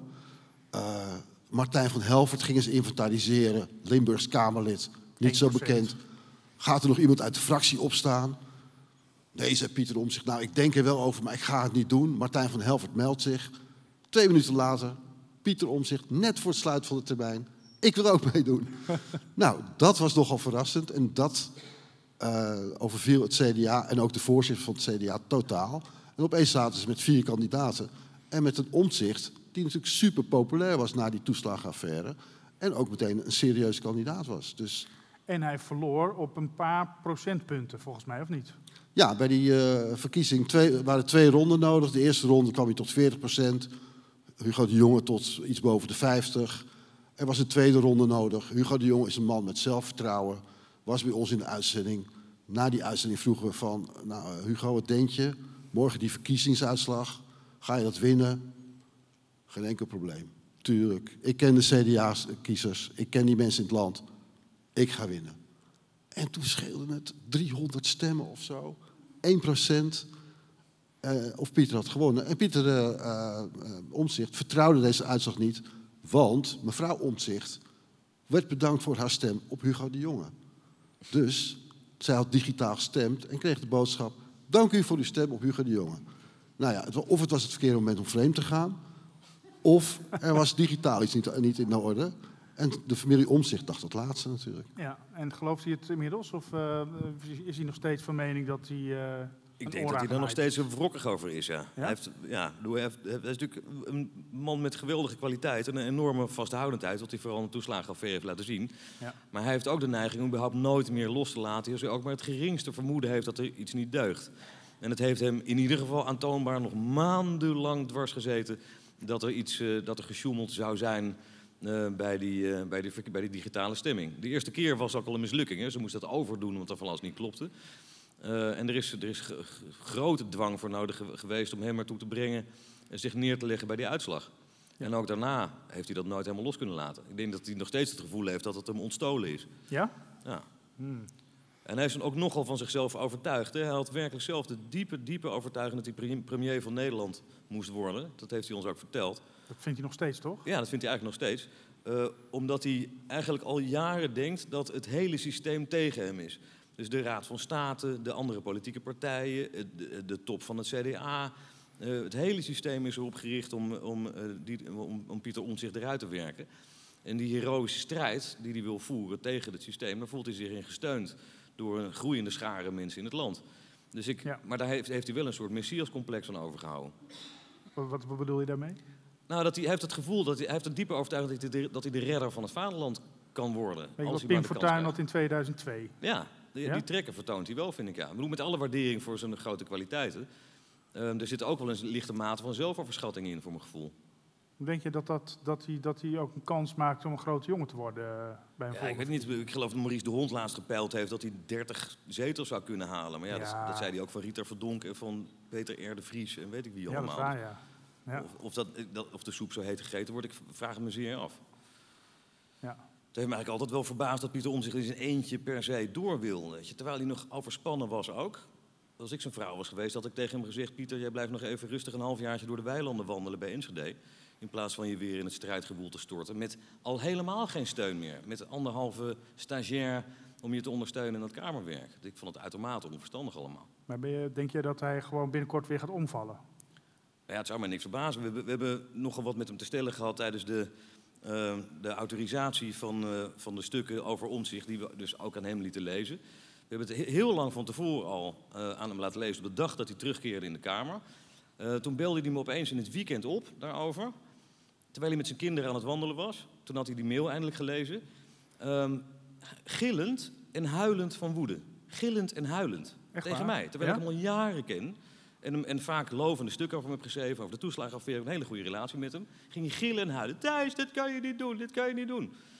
En, nu, en ik heb mijn kinderen nu weggestuurd omdat ik met jou bel. Ja, alsof dat mijn schuld was, dat hij, dat hij tijdens een wandeling mij gaat bellen. Nou, toen heb ik hem uiteindelijk een beetje uh, rustig gekregen, zodat ik met mijn eigen kindertjes ook wel eens probeer te doen. Gewoon rustig, met een kalme stem en zo. Toen begon hij eindelijk een beetje tot bedaren te je komen. Je hebt ook een mooie donkere stem, je kan mensen rustig krijgen. Ja. Um, en uiteindelijk heeft hij toen gezegd dat er aangepast moest worden in dat verhaal. Um, en dat hebben we braaf aangepast, vervolgens een e-mail aan hem gestuurd. Um, en vervolgens stuurde ik nog een mailtje ter herinnering op donderdag, geloof ik, tijdens de algemene beschouwingen. Van Pieter, heb je nog aan gedacht, zou je er nog even naar willen kijken? Terwijl ik aan het kijken was op het scherm, zie ik hem de zaal uitlopen met zijn telefoon. Terwijl Rutte zijn vraag aan het beantwoorden was, zat hij mij als een gek te appen. Thijs, dit kan je niet doen, je kan niet zo die tekst sturen. Ik denk nog terugsturen bij beste Pieter. Je mag ook best vanavond antwoorden of morgen. Deze mail was voor je secretaresse bedoeld, dat, dat hoef je niet nu te doen. Maar dan ging hij in totale razernij dus tijdens die uitzending, tijdens dat debat mij zitten appen met teksten als... Uh, uh, nou, nou, moet ik ook nog zonder stropdas de vergaderingen weer binnen. Alsof ik daar iets aan kon doen. Ja. Nou, toen dacht ik, beste Pieter, misschien was het wat te vroeg voor je om terug te keren in de politieke arena als je onder zo'n hoogspanning staat. En het is misschien ook een karakterkwestie bij hem, dat hij zo monomaan is dat hij dingen niet kan loslaten. Dat hij, dat hij op zo'n moment de autorisatie van, van zo'n stuk belangrijker vindt dan het antwoord van de premier in die zaal, terwijl hij dit net zo goed een halve dag later had kunnen doen. Dat zegt ook wel iets over de manier waarop hij zichzelf kan vastdraaien. Dus ik, ik heb ook wel met hem te doen om die reden. Want als je zo denkt, dan maak je jezelf ook wel ongelooflijk moeilijk. Het lijkt me verschrikkelijk. Ja. Maar dat betekent eigenlijk dat hij, dat hij zijn eigen val weer inloopt. Ja, ja, ja, ik hoop dat hij nog een hele tijd volhoudt. En dat hij toch voor zichzelf er een beetje een rem op weet te zetten. Ja. Maar goed, we hoorden ook van allerlei mensen in het CDA dat dat eigenlijk al jaren zo is. Oh, was hij aan het huilen? Dat doet hij altijd al als hij zijn zin niet krijgt. Echt waar, ja? Ja, serieus, ja. Dus het is, het is, hij, hij is, hij is niet zo'n heilige als, als, als mensen denken dat hij is. Het is wel een mooi inkijkje achter de schermen dan. Ja, dat is toch een belangrijke nuancering. Ja. We maakt ook mee dat hij, dat, dat hij tijdens een gesprek met ons dat waarvan we aanvankelijk 20, we zouden 20 minuten van zijn tijd krijgen of zo. Toen was hij na een half uur of drie kwartier was hij nog steeds aan het ratelen. en op een gegeven moment vroeg ik maar Pieter, hoe is het eigenlijk met jouw boek? Um, pakt hij een heel manuscript, zo'n stapel losse papiertjes van tafel, smijt dat door de kamer, die wolken door de kamer, dwarrelen ze naar beneden. Bijna huilend van woede zegt hij, uh, zo zijn jullie altijd, jullie journalisten, jullie zitten hier bij dan veel te lang en ik had maar een kwartier. Terwijl ik nog tegen hem zei, maar beste Pieter, je had ons best na een kwartier mogen wegsturen, want jij ging doorpraten. Dus het is zo, zo um, nou ja, goed, ik vond het wel een, wel een typerend voorval. Maar, en het is kennelijk niet de eerste keer dat hij zich zo gedraagt. Maar toen jij, en dat hebben we dus toch maar wel opgeschreven. Want ik vind het, ik vind het wel belangrijk dat zo'n toonaangevende eh, volksvertegenwoordiger... Dat, dat, dat de lezer en het grote publiek in ieder geval iets kan zien... van hoe die ook in elkaar zit. Met, zoals gezegd, alle grote kwaliteiten die hij ook heeft. Ja, en dan heb je je boek af. En dan moet, is Pieter Omtzigt denk ik iemand die belangrijk is voor je autorisatie. Ja. Hè? Dus daarvan hoop je dat hij akkoord geeft... en dat, dat, nou, weet je, dat hij op een paar nuances uh, een beetje bijstuurt. Zwaar. Ja. En dan belt hij jou op en dan krijg je hem een beetje hysterisch aan de telefoon. Mag ik ja, hysterisch wilde, noemen? Ja, hij wilde gewoon hele hoofdstukken eruit. Echt? Nee, dat, dat, ja, dat hele hoofdstuk moet eruit, anders doe ik niet meer mee. Ja, dat, dat kan natuurlijk helemaal niet. Dat maar hoe reageer je dan? Ja, met vriendelijke sonore stem zeggen, ja. laten we nog eens rustig over praten. Ja, die, uh, ja, ja, zoals je dan, je kinderen dan, dan, Uiteindelijk komt dat dan wel weer, komt er wel iets van een gesprek terug. Maar het kost wel heel veel moeite. En een paar, dat is de enige twee dingen waar uiteindelijk niet helemaal uitgekomen zijn in het boek, waarin de meningen tegenover elkaar bleven staan, waar we dus echt uiteindelijk niet in geslaagd zijn uh, uh, om uh, de waarheid, iets van de waarheid te achterhalen, gingen over Pieter Omtzigt, die glashard bleef ontkennen dat hij iets zou hebben gezegd waarvan anderen in dezelfde zaal aanwezig met grote stelligheid beweren dat hij het wel had gezegd. Dus het is Moeten we, eens even, moeten we naar de inhoud gaan, waarom hij zo boos werd? Misschien is dat wel slim. Het hoofdstuk uh, De aanval op Rutte. Daarin wordt uh, gesteld dat het CDA een campagne begint uh, om Rutte kapot te maken. Mag ik het zo zeggen, Peter?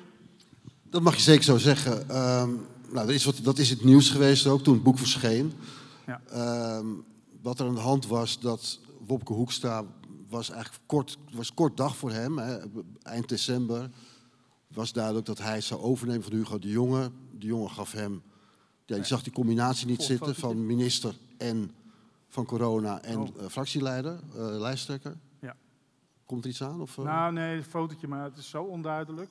Oké. Okay. Dus, maar goed, de, rechts is Wopke en links is Pieter. ja. Nou ja, wat, wat, wat Wopke Hoekstra toen deed, was...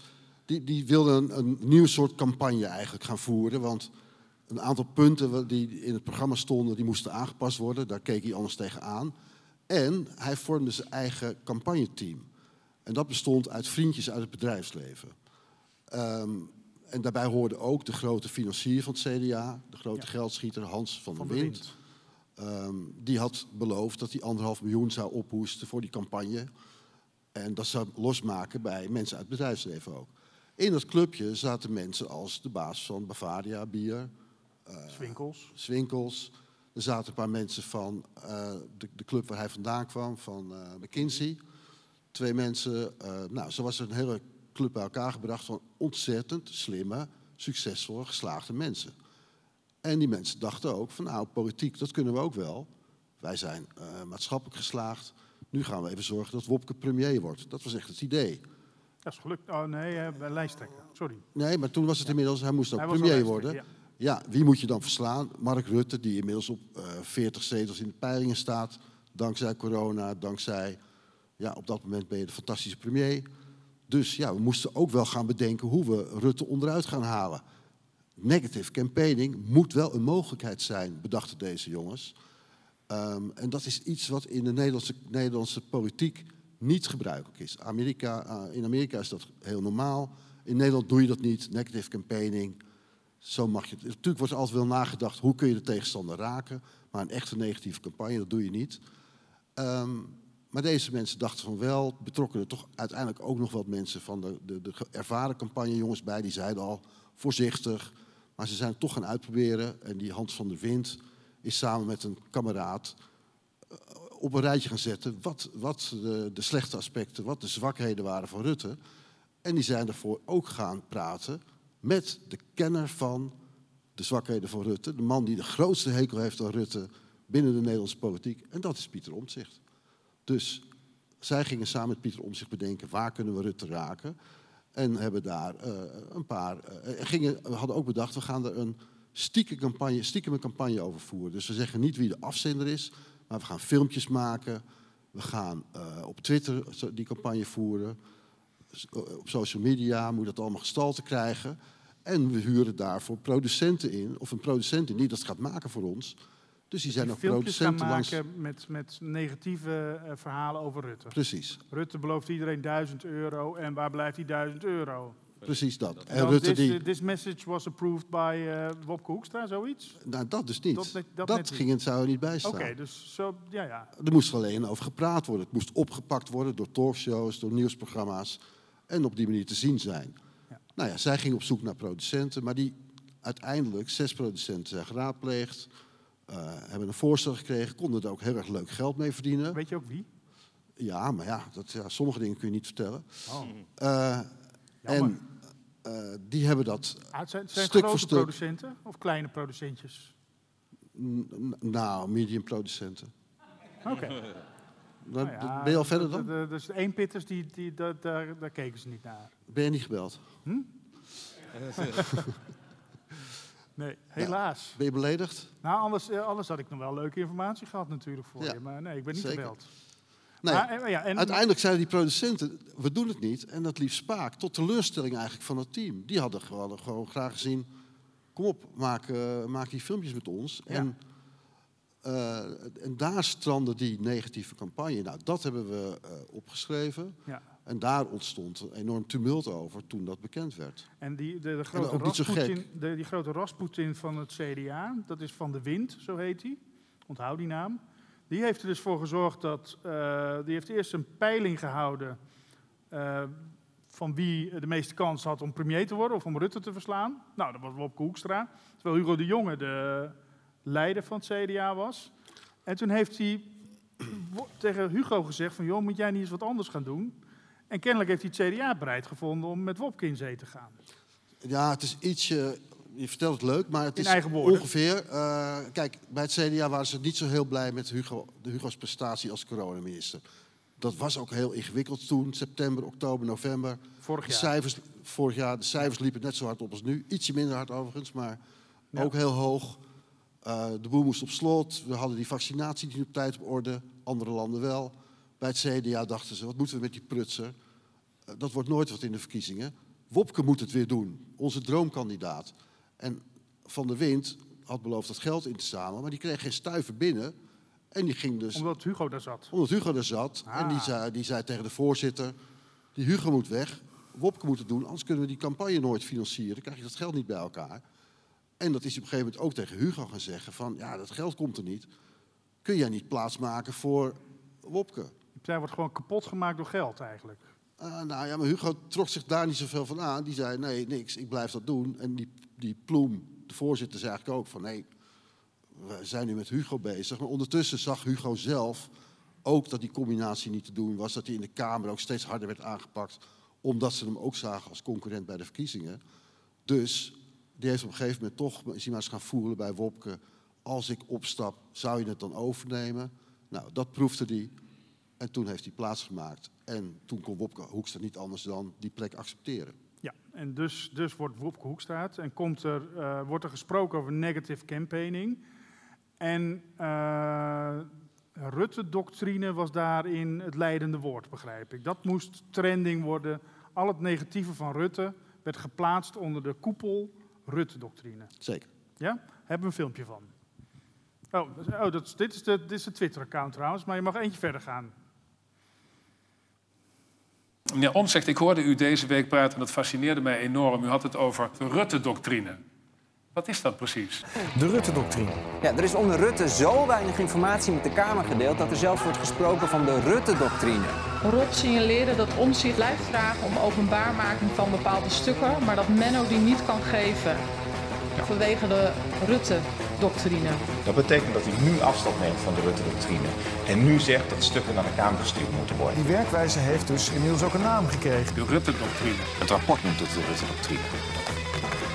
Er is zelfs een heuse doctrine naar hem vernoemd. De Mark Rutte-doctrine. Ja, dat is niet mijn naam. Uh... Nee, jij heet niet Mark Rutte-doctrine, nee. Nou ja, het werd wel opgepikt, die Rutte-doctrine. Ik, ik, heb, ik heb meerdere politici het woord Rutte-doctrine in de mond horen nemen. Weliswaar gekoppeld aan de toeslagenaffaire en de manier waarop informatie wordt gedeeld.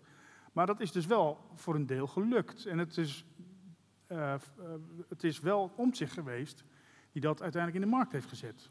Ja, het is ook voor een deel natuurlijk wel waar. Ik bedoel, de, de, hoe vaak heeft Rutte niet gezegd al, ik heb daar geen actieve herinnering aan.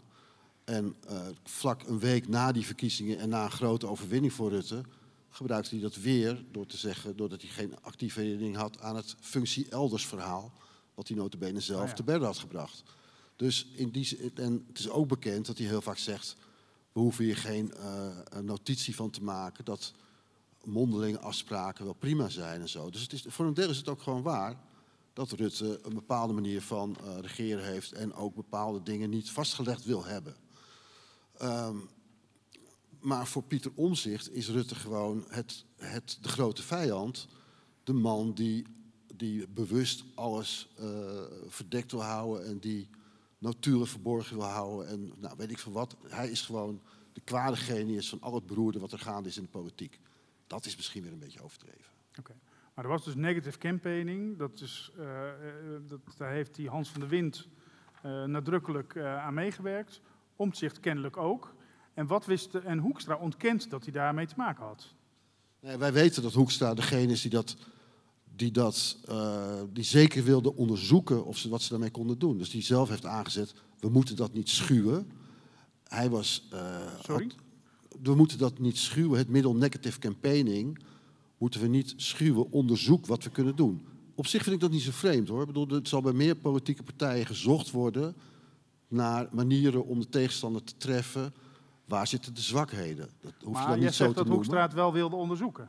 Zeker. Bedoel, hij was in, in dat zondagmiddagteam, het team van die, van die bedrijfsjongens, heeft hij zelf uh, opgeworpen. Jongens, dat moeten, we, dat moeten we wel gaan onderzoeken. Maar Hoekstra heeft gezegd van, toen ik het hoorde, heb ik direct gezegd van, dit moeten we niet doen. Nou, dat is flauwekul, volgens onze bronnen. Oké. En hoe hard is dat? Dat is hard genoeg dat wij erin geloven dat we dat op die manier konden opschrijven. En dat ik het nu ook zo kan zeggen. Oké. Ja, het is wel heel opmerkelijk wat wel vaker gebeurt in de politiek, en zeker bij het CDA, dat, uh, dat politici als dingen spaak lopen, er achteraf niet meer aan herinnerd willen worden. Uh, en daar heeft het in dit geval ook alle schijn van. De allerlei betrokkenen wisten ervan en zeggen achteraf... nee, ik heb natuurlijk meteen gezegd zodra ik ervan hoorde dat dat absoluut niet kon. Maar dan blijft het toch wel heel erg eigenaardig... dat Hans van der Wind en zijn net genoemde collega... vervolgens nog met een flink budget zijn gaan shoppen in het land. Zes verschillende producenten hebben aangezocht om een compleet plan aan te leveren en dit te gaan uitvoeren. Concreet filmpjes te gaan maken. met zo'n uitgewerkt scenario dat wij helemaal hebben ingezien. Uh, en dat uiteindelijk spaak is gelopen omdat al die producenten, dat, dat werd net nog niet opgemerkt, omdat al die producenten zeiden: wij willen niet meedoen aan een geheime smaadcampagne, waarvan later duidelijk zou kunnen worden dat eigenlijk het CDA erachter zit. Dat is, dat is, dat, daar helpen we onze eigen reputatie mee naar de knoppen. dus wij, wij, hebben toch zwart op wit dat die, um, dat die producenten degene zijn geweest die gezegd hebben wij willen het niet doen. En dat vervolgens pas die campagne werd afgeblazen. Terwijl achteraf de betrokkenen van het CDA, die naar onze stellige overtuiging wisten dat dit gaande was, opeens roepen nee, nee, nee, we hadden al veel eerder bedacht dat het niks moest worden natuurlijk. Nee, dat heeft Hans van der Wind allemaal zelf op eigen houtje gedaan kennelijk. Maar dat wisten we allemaal niet. Oké, dus we moeten eigenlijk nu de hoofdredactie van de Orkaan uh, appen dat, uh, dat Hoekstra eigenlijk gelogen heeft toen hij zei uh, dat hij er uh, direct afstand van genomen heeft. Ja, ik denk dat, dat, dat we zelf er al enigszins op gereageerd hebben. Ik heb dat niet in het nieuws gezien hoor. Of, of Hoekstra op de hoogte was van de specifieke details van het allerlaatste plan dat hebben we niet zwart op wit. Maar wat we wel weten is dat hij uh, de hele, hele kwestie in gang heeft gezet door te zeggen we moeten onderzoeken wat we aan negative campaigning kunnen doen. Nou, dat vind ik nogal wat. Met de man waar, waar, waar die straks mee in een kabinet wil zitten. Ja, dat is ook zo. Nou, dat was, was ook de reden dat wij het wel nieuwswaardig voor vonden. Omdat Rutte en Hoekstra elkaar geen seconde hebben losgelaten in die formatie natuurlijk. Er waren diverse varianten mogelijk. Maar Hoekstra en Rutte bleven sowieso met z'n tweeën aan elkaar verbonden. En de VVD ging niet alleen praten met D66, de PvdA, GroenLinks. De andere varianten waren uitgesloten. Rutte en Hoekstra bleven samen en zouden niet zonder elkaar gaan regeren. En nou, terwijl dat allemaal speelde, kwamen wij erachter wat voor campagne er door het CDA eigenlijk was bedacht ten opzichte van Rutte. Nou, dat maakt het wel vrij brandbaar. Zeg. En het is in ieder geval gebeurd onder verantwoordelijkheid van Wopke Hoekstra. En zelfs als u er niet van wist, dan is het nog buitengewoon slecht pijnlijk nieuws voor hem. Want dan werd er kennelijk binnen het campagneteam werden er allerlei schadelijke dingen bedacht waar hij zelf niet van wist. Wat zegt dat dan over je leiderschap en je overwicht? Dus het is, verschillende mensen bij het CDA hebben me ook toegegeven dat hoe het ook precies gegaan is, dat het sowieso een clusterfuck voor het CDA is. Zoals dit hele jaar eigenlijk een clusterfuck voor het CDA was trouwens. Ja, nog steeds is. En nog steeds is, ja. Vijf zetels in de peilingen. Ja. Maar, um, hoe reageren, want jullie hebben dan waarschijnlijk ook met jullie spreken, op de presentatie was bijvoorbeeld Kees Berghuis van de VVD de spindokter. Um, die kent dit verhaal natuurlijk ook. En dat bespreek je dan met hem. En hoe wordt er dan door de VVD op gereageerd? Ik zou dat nog wel wat vinden als, als, als een man uh, naast je zit straks in het kabinet die heel negatief over je probeerde te doen. Eigenlijk je probeerde onderuit te halen. Ja, eigenlijk ziet ze het vooral als een amateuristische fout van, van het CDA. Ja? En dat wat ik net ook zeg. Ik bedoel, andere partijen zoeken ook allemaal methodes om de concurrent uh, schade toe te brengen. Die Kees Berghuis die je noemt, de grote spindokter van de VVD. Nou, die is nergens te beroerd voor. Maar die weet wel waar de grens ligt. Die weet wel waar de grens ligt. En die zal zo'n plan niet bedenken. Uh, en zeker niet onder zo'n kop, zeg maar. Die kan van alles bedenken. En heel goed reageren op wat er speelt. En hierop reageert hij eigenlijk een beetje lachend. Want dit is gewoon heel erg lastig voor Wopke Hoekstra in toekomstige politieke tijden. Bij volgende campagnes. Je kan hem er altijd wel aan herinneren als hij weer een concurrent wordt tenslotte. Dus eigenlijk wordt hij hier gegijzeld, Hoekstra. Kun je het uh, zo ehm, zeggen? Ja, hoe bedoel je dat? Gegijzeld in? Nou, je kan, uh, je kan dit op elk moment naar buiten brengen wanneer je maar wil. Uh, op het moment dat, uh, dat Hoekstra iets doet wat jou niet zint. Nou ja, eigenlijk heb je... dreigen in ieder geval. Nou ja, natuurlijk, het is schade voor Hoekstra dat het nu zo op tafel ligt. En het is, uh, uh, politiek, andere politieke partijen zullen er gebruik van maken als het ze uitkomt. Ja, daar komt het wel op neer. Gegijzeld, ja, het is gewoon vervelend. Dat is een groot woord. Ja, ja. een vervelend ding dat, dat, dat het bekend is dat hij daar, dat daar in ieder geval over gedacht is binnen zijn partij tijdens deze campagne. Ja. Uh, we moeten naar Hugo. Jij bent de baas. Ja. Kijk eens met zijn schoenen. Ja? Ja, Pieter. Ja, maar je hebt een luide stem, dus je kan het denk ik... Oh, er komt een microfoon naar je toe. allereerst vind ik het een hele leuke, vermakelijke avond. Maar het is ook dank daarvoor. Ehm, maar het is ook eigenlijk heel ontluisterend. we zitten inderdaad in de grootste crisis die we in ieder geval kennen. jullie schetsen een beeld van de twee powerhouses in de politiek, CDA en uh, PvdA, die natuurlijk, uh, waar de ene het mes in de rug van de ander steekt en omgekeerd. Um, onderwijl uh, hebben we Kamerleden die hebben, die hebben het over tribunalen. de crisis die op ons afkomen, zoals de duurzaamheidscrisis, maar ook, ik denk dat we te maken krijgen met een China, wat natuurlijk heel dominant gaat worden in de wereldpolitiek. Hoe schetsen jullie het beeld? We kijken nu heel erg terug, maar als je dat beschouwt met waar we nu staan in de politiek met de twee voormalige powerhouses die helemaal gemarginaliseerd zijn, met de grote problemen die we krijgen en het huidige politiek bestel, hoe zien jullie dat in uh, zeg maar 2031? Zo. Dat is een, uh, nou. vraag voor Kay. ik kijk er ja niet. Het kan toch niet doorgaan? 70% van de Nederlanders, of weet ik veel, die heeft geen idee waar hij op moet stemmen. We, hebben, we zijn bijna een jaar verder, we hebben geen kabinet. Ik bedoel, het is toch niet meer uit te leggen. Jij zegt dat het vertrouwen in de politiek eigenlijk, uh, wat jou betreft, behoorlijk gedaald is in de afgelopen tijd. Sorry? Het vertrouwen in de politiek is wat jou betreft behoorlijk gedaald het afgelopen jaar. Nou, ik maak me meer zorgen over het algemeen. Dat we gewoon nou, dus niet, niet geleid worden in dit land op een manier waar de mensen vertrouwen in hebben. Ja, maar ik deel je zorg. Ik, heb, ik loop nu 15 jaar rond in Den Haag ongeveer. En ik heb het nog nooit zo gek gezien als het nu is. En ook Um, bedoel, die formatie die eindeloos duurt. Wat voor kabinet krijgen we? Hoe lang gaat het kabinet zitten? Wat is het gevolg op dit moment als, je als dit kabinet er niet komt en je moet nieuwe verkiezingen uitschrijven? Wordt het allemaal nog gekker, want dan krijg je nog meer kleine splinterpartijtjes um, en belangenorganisaties, want dat zijn het tegenwoordig. Terwijl het midden, je moet, uiteindelijk moet, het, moet de kracht van politiek of de, de regeerbaarheid van het land, komt toch uiteindelijk uit die middenpartijen die compromissen met elkaar moeten sluiten. Nou, dat gevoel is helemaal weg dat dat gebeurt. Uh, we vallen over elkaar heen met allerlei beschuldigingen. Um, ja, dat, dat is een heel brandbare situatie, denk ik. En hoe dat. Ik zie ook niet zo goed voor me hoe dat uh, op een mooie manier wordt opgelost. Het is inderdaad een zorgelijke situatie. En je hebt behoefte aan politici die ons daar de weg uitwijzen. En die weer het vertrouwen van de burger kunnen krijgen. Nou ja, daar zijn er niet zo heel veel van op het ogenblik. Ja. Nee, ik denk ook dat als, als dit kabinet uh, toch voor elkaar komt in de komende maanden, wat er nu eindelijk langzamerhand een beetje naar uit begint te zien, dan zullen ze in ieder geval achtervolgd worden door al die grote ellendige kwesties van de afgelopen jaren. In eerste plaats het toeslagenaffaire en al die andere grote dingen waar nu parlementaire enquêtes over komen. Het chronische gas, uh, het coronabeleid dat uh, ook door de Kamer zelf natuurlijk onder de loep genomen zal worden. Um, dus het is een, per definitie een aangeslagen kabinet, kan je, dat kan je eigenlijk niet anders voorstellen. Omdat dezelfde mensen, dezelfde hoofdrolspelers verantwoordelijk zijn geweest. En zeker Mark Rutte eindverantwoordelijk voor een heel groot deel van de ellende die we het afgelopen jaar hebben meegemaakt. Dus ook dit nieuwe kabinet heeft weinig belofte in zich dat de dingen ook echt anders zullen gaan. En dat versterkt het wantrouwen nog, denk ik, in de samenleving. En nu, nu zie je het, het, vertrouwen in het coronabeleid ook al kelderen de afgelopen weken. Mensen snappen echt niet meer wat voor kant het nou op zal gaan. Weten niet eens meer wat, voor, wat de basisregels ook weer waren die eigenlijk nog golden. Ik moest er ook heel hard over nadenken. Uh, zo tuimelen van het ene misverstand in het andere. Uh, en lijken de problemen intussen alleen maar groter en onhanteerbaarder te worden. En dat, dat is denk ik nog het grootste probleem. Mensen het gevoel hebben dat er helemaal geen uitweg is uit de ellende waar we in zitten.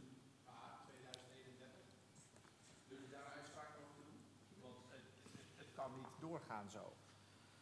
Denk nee. Ik, hoor, dat is mijn idee. Ik bedoel, ik zou willen dat het zo was, maar ik denk dat wij nog grotere vraagstukken en crises krijgen. Ja, en dan? Ja. Ik bedoel, wat, wij, wij, wij zijn nog geen land van oorlog voeren. Dat hebben we al 140 jaar niet gedaan, volgens mij. Ja, we zijn één keer overvallen, maar toen was het binnen een paar dagen klaar. De Eerste Wereldoorlog bleef neutraal, dus daar ben je niet samen over, ook, ook niet over hebben. Wij, kunnen het, wij zijn inderdaad een mooi land als het goed gaat.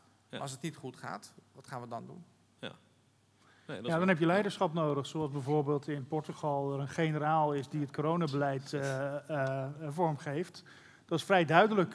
Dat is meer top-down dan in Portugal uh, wordt het niet, denk ik. Wij hebben maar die was vrij snel weer weg. Is, is daar nog iets... ja, daar hebben jullie een hoofdstuk aan gewijd. Ja, oh, oké, oké. Okay. Nee, nou ja, kijk, ja, Fijke Siebersma is natuurlijk een enorme internationaal gerespecteerde zakenman die in Nederland tot de belangrijkste man van het jaar werd uitgeroepen, twee jaar terug ongeveer. Die als gezant te hulp werd geroepen bij deze crisis. DSM had verstand van vaccins, was in staat om met zijn vrienden uit het bedrijfsleven contacten te leggen en de testen eventueel op orde te krijgen. En is na een half jaar, nou korter nog, nou laat ik zeggen een half jaar, redelijk gedesillusioneerd vertrokken. Omdat er een aantal dingen die in het bedrijfsleven heel normaal zijn, in de politiek niet gebeuren. Hij had bijvoorbeeld het, bij die vaccins, was hij ervan overtuigd dat je op verschillende spelers moest gokken. Dus er werd heel erg uitgegaan van AstraZeneca als eerste vaccin in Nederland. Het werd Pfizer. Dat moest met 80 graden, 70 graden onder nul bewaard worden. Hadden we de apparatuur niet meteen voor klaarstaan. De huisartsen konden dat niet doen. En uh, Siemensma zat van, ja, uh, hoe kan dat? In het bedrijfsleven hebben, hebben we altijd vijf scenario's klaarstaan. En daar houden we rekening mee dat het eerste scenario misschien wel afvalt. De manier waarop mensen aan het werk gezet werden in dat versnipperde gezondheidszorgland, dat, dat, dat kon hij ook helemaal niet meer uit de voeten. Um, dus die is vrij gedesillusioneerd vertrokken. En, uh, ook met stille trom, hè? En met stille trom. En zegt er ook heel weinig over. Nou ja, wij hebben dat een beetje kunnen proeven bij hem, dat het zo in elkaar zit. Um, ja, goed. En aan de andere kant is het ook een man die vanuit dat bedrijfsleven heel, heel erg dacht in patronen. En ook dacht dat, het zo, dat je het zo kon regelen. Maar de, het contrast tussen het bedrijfsleven en het politieke leven is gewoon enorm groot. Zaken gaan gewoon echt anders. En in zo'n crisissituatie is het totaal begrijpelijk dat zo'n man daar gefrustreerd naar kijkt. Wij snappen dat inmiddels wel. Ja.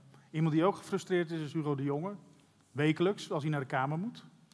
Uh, dan uh, heeft, hij, uh, het, uh, heeft hij het niet leuk. Um, hebben jullie bewondering voor hem of ook een hekel aan hem, net zoals zo'n beetje de helft van Nederland? Nou ja, toen we begonnen vonden we het de werktitel van het boek was De Schoenen van Hugo. En dat was een beetje zo'n kwinkslag van ja, die Hugo de Jonge met die malle schoenen dus. Uh, hij doet alles fout ongeveer, wat je kunt bedenken. Dat, dit, dat, we gaan die man op de voet volgen en ook andere politici. Maar we gaan wel echt heel erg kijken naar hem of hij het wel goed doet. Nou ja, uiteindelijk zijn we met hem in gesprek geraakt en hebben we een aantal keren in, intensief met hem gesproken. Uh, mensen om hem heen gesproken. Nou, zoals ik al zeg, vele mensen gesproken. Uh, gekeken wat hij nou echt uitvoerde, hoe dat vaak ging. En ook vaak dat, dat beslissingen die hij dan voorstond, waar hij op aangesproken werd, dat die vaak ook met een heel groot deel van het parlement genomen waren. Soms zelfs met de volledige meerderheid. Hij heeft heel veel echt fouten gemaakt, maar hij heeft ook een aantal keren. Nou, heel vaak is hij afgerekend op fouten die vrij collectief genomen waren. De beslissingen die vrij collectief genomen waren. En dat wordt wel heel vaak vergeten en dat steekt hem ook bijzonder. En ik denk dat, dat Thijs al klaar zit om daar een stukje over voor te lezen. Ja, want Thijs en Hugo zijn allebei domineeszoon. Daarom. Dus ja. Ja, dit is wel, ja, dat is natuurlijk prachtig in het huis, uh, het huis van de Heer. Um, zo gaat het de hele. Dit, dit, is een passage die gaat over de coronawet, waar vorig jaar al over gesproken werd. Onder zware druk van de Tweede Kamer en ook van Kajsa Longren, minister van Binnenlandse Zaken van D66. Ja, even wachten. Dit, dit is wat mij betreft ook het einde van, uh, van, van deze avond. Hierna kunnen nog vragen gesteld worden. Um, en uh, er wordt gesigneerd ook nog, begrijp ik, hè? Dus iedereen die uh, kan een, een, boek kopen en gesigneerd en wel. Met een persoonlijke mededeling er nog bij van een van de heren. Ga door met wat je zei. Ja, nou, het gaat over de, de passage voor de coronawet, die, uh, waar Hugo de Jonge toe gedwongen is, eigenlijk door een grote meerderheid van de Kamer. Een wet die vervolgens zo ernstig verbouwd is dat eigenlijk helemaal niemand er uiteindelijk tevreden over was. En daar zegt hij dan het volgende over. Zo gaat het de hele crisis door, zal de geplaagde minister er later over zeggen tegenover een paar journalisten. Dat zijn wij dus. Dat zijn wij dus. Eerst roepen ze wat, vervolgens ga je het uitvoeren. Maar dan komt, het, komt er shit van, zoals er van alles shit komt in deze tijd, omdat iedereen zijn eigen onvermogen op alles projecteert. Vervolgens gaat iedereen die mede verantwoordelijk is naar het plafond zitten kijken. En wie staat er dan met een drol in zijn handen? Nou, dat ben ik. Wie heeft de vragen? Ik heb een vraag. Ik heb ook een vraag. Ha? Piet is eerst. Wie mag als eerste? Piet, daar. Piet. Oh, Piet.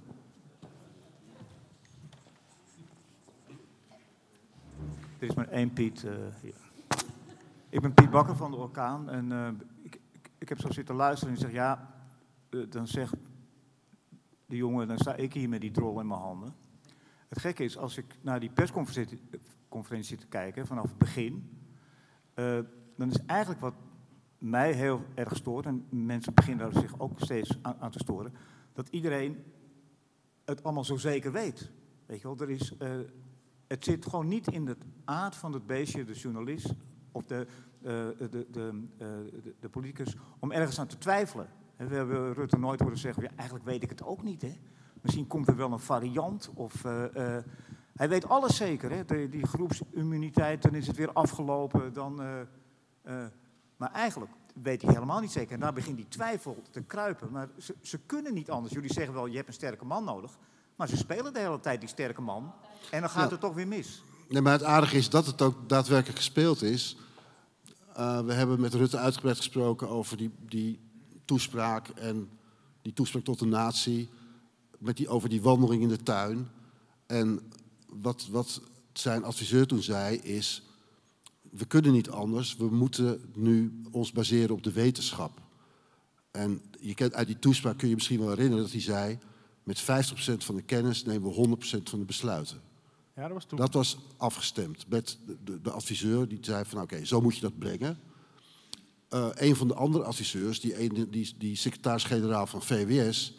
die trok daarop de adviseur van Rutte aan zijn jasje. Die zei, wat, 50% van de kennis, 100% van de besluiten. Dat klopt helemaal niet. Het is 5% van de kennis, 100% van de besluiten. En het antwoord was, ja, als we dat eerlijk zouden zeggen, dan laten we het volk te veel dobberen. Dat kunnen, we kunnen daar niet eerlijk over zijn. Want uh, als mensen denken dat wij helemaal geen verstand van hebben, dan, dan, dan krijgt het volk te, veel, uh, te weinig zelfvertrouwen. Een deel van, het, van de verklaring van dat, dat zo zelfverzekerd doen, zit vooral daarin dat ze ons niet nog onzekerder willen maken. Maar ja, dat doen ze natuurlijk wel door allemaal van die halfbakken besluiten. En ja, hoe laat moeten we morgen weer de kroeg uit? Dat weten we nog niet. Ja, ik ben niet helemaal tevreden met het antwoord hoor, Peter. Want ik snap best. Ja, schrijf het af van Thijs. Nee, ik snap best dat het aan het begin van de crisis. Hè, dat je zo min mogelijk uh, twijfel moet zaaien. Dus dat je, dat, je, dat je de mensen met zoveel mogelijk zekerheid achterlaat. Maar op een gegeven moment, bijvoorbeeld 12 juli van dit jaar toen uh, de coronamaatregelen op 3 juli uh, losgelaten waren. En uh, nou, je zag, hopsakee, de cijfers als een raket stijgen. Dat ze weer maatregelen moesten nemen. Zelfs dan hebben ze niet gedaan aan zelfreflectie. dat, dat was... echt een moment dat je had kunnen zeggen: Oké jongens, we, we, wilden dit heel graag, omdat we allemaal klaar zijn met het virus. Maar sorry, het, we hebben kennelijk te snel willen versoepelen. Dat kan je toch zeggen, of niet? Ja, maar dat hebben ze uiteindelijk ook gedaan. Hè. Ze hebben zelfs nou, een extra. Ze sorry hebben, hoor. Ja, wel, ze hebben een persconferentie gegeven op vrijdag. waarin ze nogal wrokkerig reageerden. Dat was na die hele affaire over dansen met Jansen. Ja. En toen is het te snel versoepeld aan het begin van de zomer. Uh, mocht uh, opeens uh, iedereen die wilde. mocht zo'n Janssen-vaccin gaan halen. en mocht daarna meteen naar de disco. Waarvan ja. heel veel verstandige mensen. En ik zelf eigenlijk ook meteen dacht: wow, gaat het niet al, al te hard? Ja, maar jij gaat niet naar de disco. Nou. Oh. Nou. Oké. Okay. Uh, ik vond het wel een beetje. Ja, nou ja, nee, nee. daar hebben we het straks nog wel over. Um, uh, maar ik, ik, ik, vond het eerlijk gezegd ook te hard gaan. Twee weken later of zo rezen die, die cijfers weer de pan uit. Ja. Deels ook vanwege.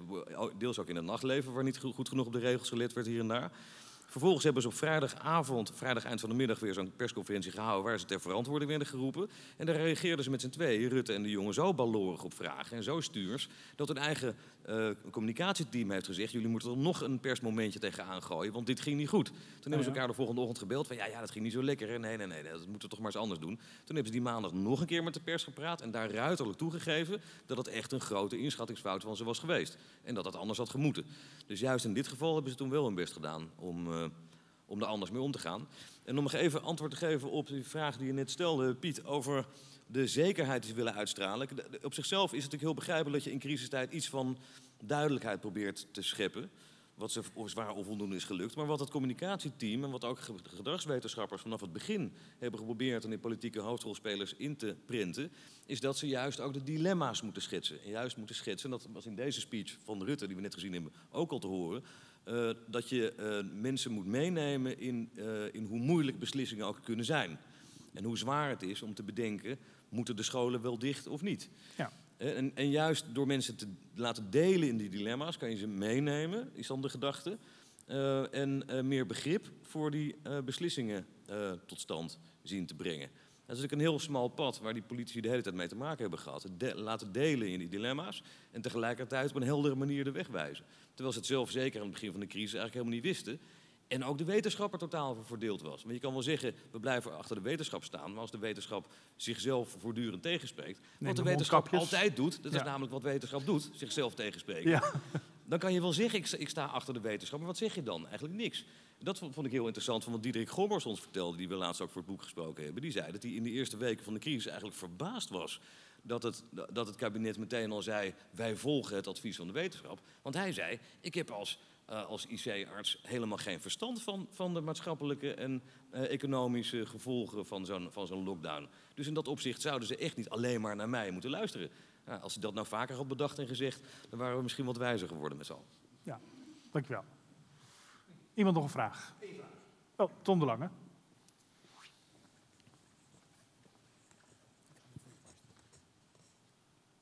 Uh, nou, Afgelopen anderhalf uur hebben wij alles gehoord over de binnenlandse politiek in Den Haag. Maar nu, uh, hoe weten jullie eigenlijk hoe de laatste jaren buitenland kijkt naar de Nederlandse politiek? Zijn wij een lachertje geworden of hebben jullie een hele andere mening? Hoe kijkt dus de buitenlandse politiek naar Nederland? Hebben jullie daar een idee over? Oeh, lastige vraag. Oeh. Nou ja, we, weten wel dat Rutte in, uh, in Europa een grote speler is. Daar wordt hij absoluut serieus genomen. Sterker nog, voor het CDA-verhaal waar we het net over hadden, zijn ze gaan onderzoeken of hij eigenlijk in werkelijkheid het lachertje van Europa was. En dat in de buitenlandse kranten misschien voor geschut werd gezet. Maar dat bleek helemaal niet het geval. En ja, Rutte telt in Europa heel erg mee. Uh, wel kun je zien dat vanuit Duitsland en België af en toe bezorgd wordt gekeken naar uh, het achterlopen van Nederland met maatregelen. Um, en ik denk dat dat nu ook te maken heeft met, met dat demissionaire kabinet en het steeds moeten zoeken naar meerderheden. Je ziet in dat Duitsland, wat, wat landelijk gezien, wat krachtdadiger gehandeld kan worden. Daar hebben ze ook binnen een maand een nieuw kabinet. Um, en in België heb je een zittend kabinet. En voor maatregelen als 2G heb je gewoon een coalitie nodig die dat ondersteunt. Dus ja, en met enige zorg naar de, de, de, de onbalans in de Nederlandse politiek. Maar uh, daarmee nog niet het lachertje van Europa of zo. Nee, maar het zijn dus grote cultuurverschillen, vooral tussen Duitsland en Nederland. Uh, we hadden het, Milos en ik hadden het er net nog even over hier voorafgaande aan de bijeenkomst. Dat, uh, dat in Duitsland er in de afgelopen anderhalf jaar tot misschien maximaal drie grote debatten in de Bundestag geweest zijn over het coronabeleid. Drie in totaal. Omdat men daar vond, in de Bundestag, dat het, dat het kabinet uh, dat dezelfde die klus maar moet klaren. En we zien elkaar wel weer bij de volgende verkiezingen. In Nederland zijn inmiddels 60 plenaire debatten geweest over corona. Dus vrijwel iedere week moeten, moeten Hugo de Jonge en, en, Mark Rutte en vaak ook Ferdinand Grapperhaus ter verantwoording worden geroepen in de Tweede Kamer. Inclusief uh, een kring van ambtenaren om ze heen, die dan aan het werk gezet wordt om talloze Kamervragen te behandelen. Terwijl die mensen eigenlijk de crisis zouden moeten bestrijden. Wij vinden dat in Nederland heel belangrijk om transparant te zijn en voortdurend verantwoording af te leggen voor wat je doet. Maar dat zit natuurlijk de effectieve bestrijding van de crisis wel degelijk enorm in de weg. En dat is, dat is waar zeker Hugo de Jonge enorm veel last van heeft gehad de afgelopen jaar. En ik denk dat daar ook met enig medelijden naar wordt gekeken vanuit het buitenland. Ik denk dat, dat de uh, minister van Volksgezondheid in in Duitsland denkt, die arme man die is daar drie dagen per week bezig met, met geklets in de, in de Kamer. Uh, kan hij niet een keer, laat die man een keer zijn werk doen. Dus dat is hoe er wel in het buitenland Nederland wordt gekeken. En zeker nu hier de besmettingen ook exploderen en we ook nog eens achterlopen met het zetten van, uh, van boosterprikken, et cetera. Dus het imago van Nederland is er de afgelopen maanden niet beter op geworden in Europa in ieder geval. Een kleine anekdote. We vroegen Hugo de Jonge, die was laatste bij op één. En toen vroegen we van, joh, na afloop uiteraard. Wat zou je liever doen? Uh, je hele leven zwarte schoenen aan of elke week naar de Kamer geroepen worden? En dan zei hij direct, zwarte schoenen. nou ja, zo zie je maar. Ik heb twee korte vragen en dan gaan we echt naar de bar. Eén uh, is, het wordt vaak laatdunkend gedaan over de achterkamertje politiek. Ik ben uh, van mening dat dat wel in stand moet blijven. Om de dood eenvoudige reden dat politici vrij hun handen vrij moeten hebben om deals te sluiten. Dat doet het bedrijfsleven ook en ook in je, in je familierelatie. En om daarna pas plenair verantwoording af te leggen in de Tweede Kamer. Dus ik vind dat juist een goede zaak. Wat is de ik wil vraag? graag weten of jullie er ook zo over denken. Dat ze handen vrij moeten hebben in de dealing room. En twee, ehm, dat is in aansluiting op de vorige spreker achter mij. Dan maak ik me zorgen inderdaad om die verschuiving. Wantrouwen naar de huidige politiek, landelijke reguliere partijen. Wie heeft daar baat bij? Gaan we dan een ruk naar rechts krijgen? En de firma Baudet en Wilders en Ja 21, hebben die hier baat bij? Dat die steeds groter worden, denken jullie? Mm. Dat is een moeilijke vraag. Nou, kijk, wat die, Eerst achter- even over de achterkamer. wat die achterkamertjes betreft, eh, denk ik dat ik het in grote lijnen wel met je eens ben. Kijk, is, er- ik bedoel, je, je moet natuurlijk zeggen dat je heel erg tegen achterkamertjes bent. Want ja, dat, dat, dat riekt toch een beetje naar enzovoort. Maar als je het ene achterkamertje afschaft, dan komt er wel een ander achterkamertje voor in de plaats. Want uiteindelijk maken die politici toch deals. En moet dat, in het, nou, zoals je al zegt, ook in het zakenleven gebeurt dat. Ehm, ergens moeten afspraken gemaakt worden van hoe gaan we dit probleem aanpakken. En hoe, wat gun ik jou en wat gun jij mij. En dat, dat blijft onderhandelen en dat, zal, dat, dat kan niet allemaal in het zicht van de camera's. Want in het zicht van de camera's geef je geen millimeter toe op je standpunt. Dan blijf je staan, anders ben je een loser. Dus daarom zal het altijd daar gebeuren op dat toneel. En dat, dat geklets van dat we daar helemaal vanaf kunnen, eh, ja, graag zouden willen misschien, maar het kan gewoon niet. Ja, het paradoxale effect van die steeds luider klinkende roep om transparantie is juist minder transparantie. Regelmatig de afgelopen jaren topambtenaren gesproken in Den Haag. In Den Haag die, die zeggen, nou, tegenwoordig bespreken we dingen die echt politiek gevoelig zijn, alleen nog maar mondeling en in de gang. Om te voorkomen dat er een spoor van te vinden is, een paper trail, zeg maar, op, papier of via e-mail of zelfs, eh, zelfs via app of sms. Dus het, is, het effect is dus dat, dat, eh, dat topambtenaren en, en zeker ook politici nu al weggetjes eromheen zoeken. Eh, dus je verplaatst denk ik alleen maar het probleem als je, als je daar naïeve overtuiging hebt dat als je er maar een lamp op zet, dat dan allemaal aan het licht zal komen. Dat lijkt me inderdaad een heel naïef idee. En, het is, Nederland is natuurlijk een coalitieland bij uitstek, waar heel veel verschillende partijen en, ehm, en publieke groeperingen en eh, koepelorganisaties, et cetera, samen eh, eruit moeten zien te komen. Dat zit heel diep in onze politieke cultuur, al eeuwen. Ehm, en dat kan dus niet zonder een zekere mate van vertrouwelijkheid. Binnen zekere grenzen natuurlijk. Hè. Ik bedoel, als, er, als er allerlei smeerlapperij bekonkelvoest wordt in de top van de Belastingdienst, dan moet dat natuurlijk wel zo snel mogelijk aan het licht komen. Ehm, en ehm, ook over het coronabeleid moet natuurlijk wel opgeschreven worden door slimme journalisten wat er dan precies in die achterkamertjes besproken is. Ja. Maar daar krijg je automatisch wel een boek over eh, na een jaar of anderhalf. Voilà. Ja. Lees Oké. dat allemaal. De bar is open. Mensen, ik zou zeggen, dank jullie wel.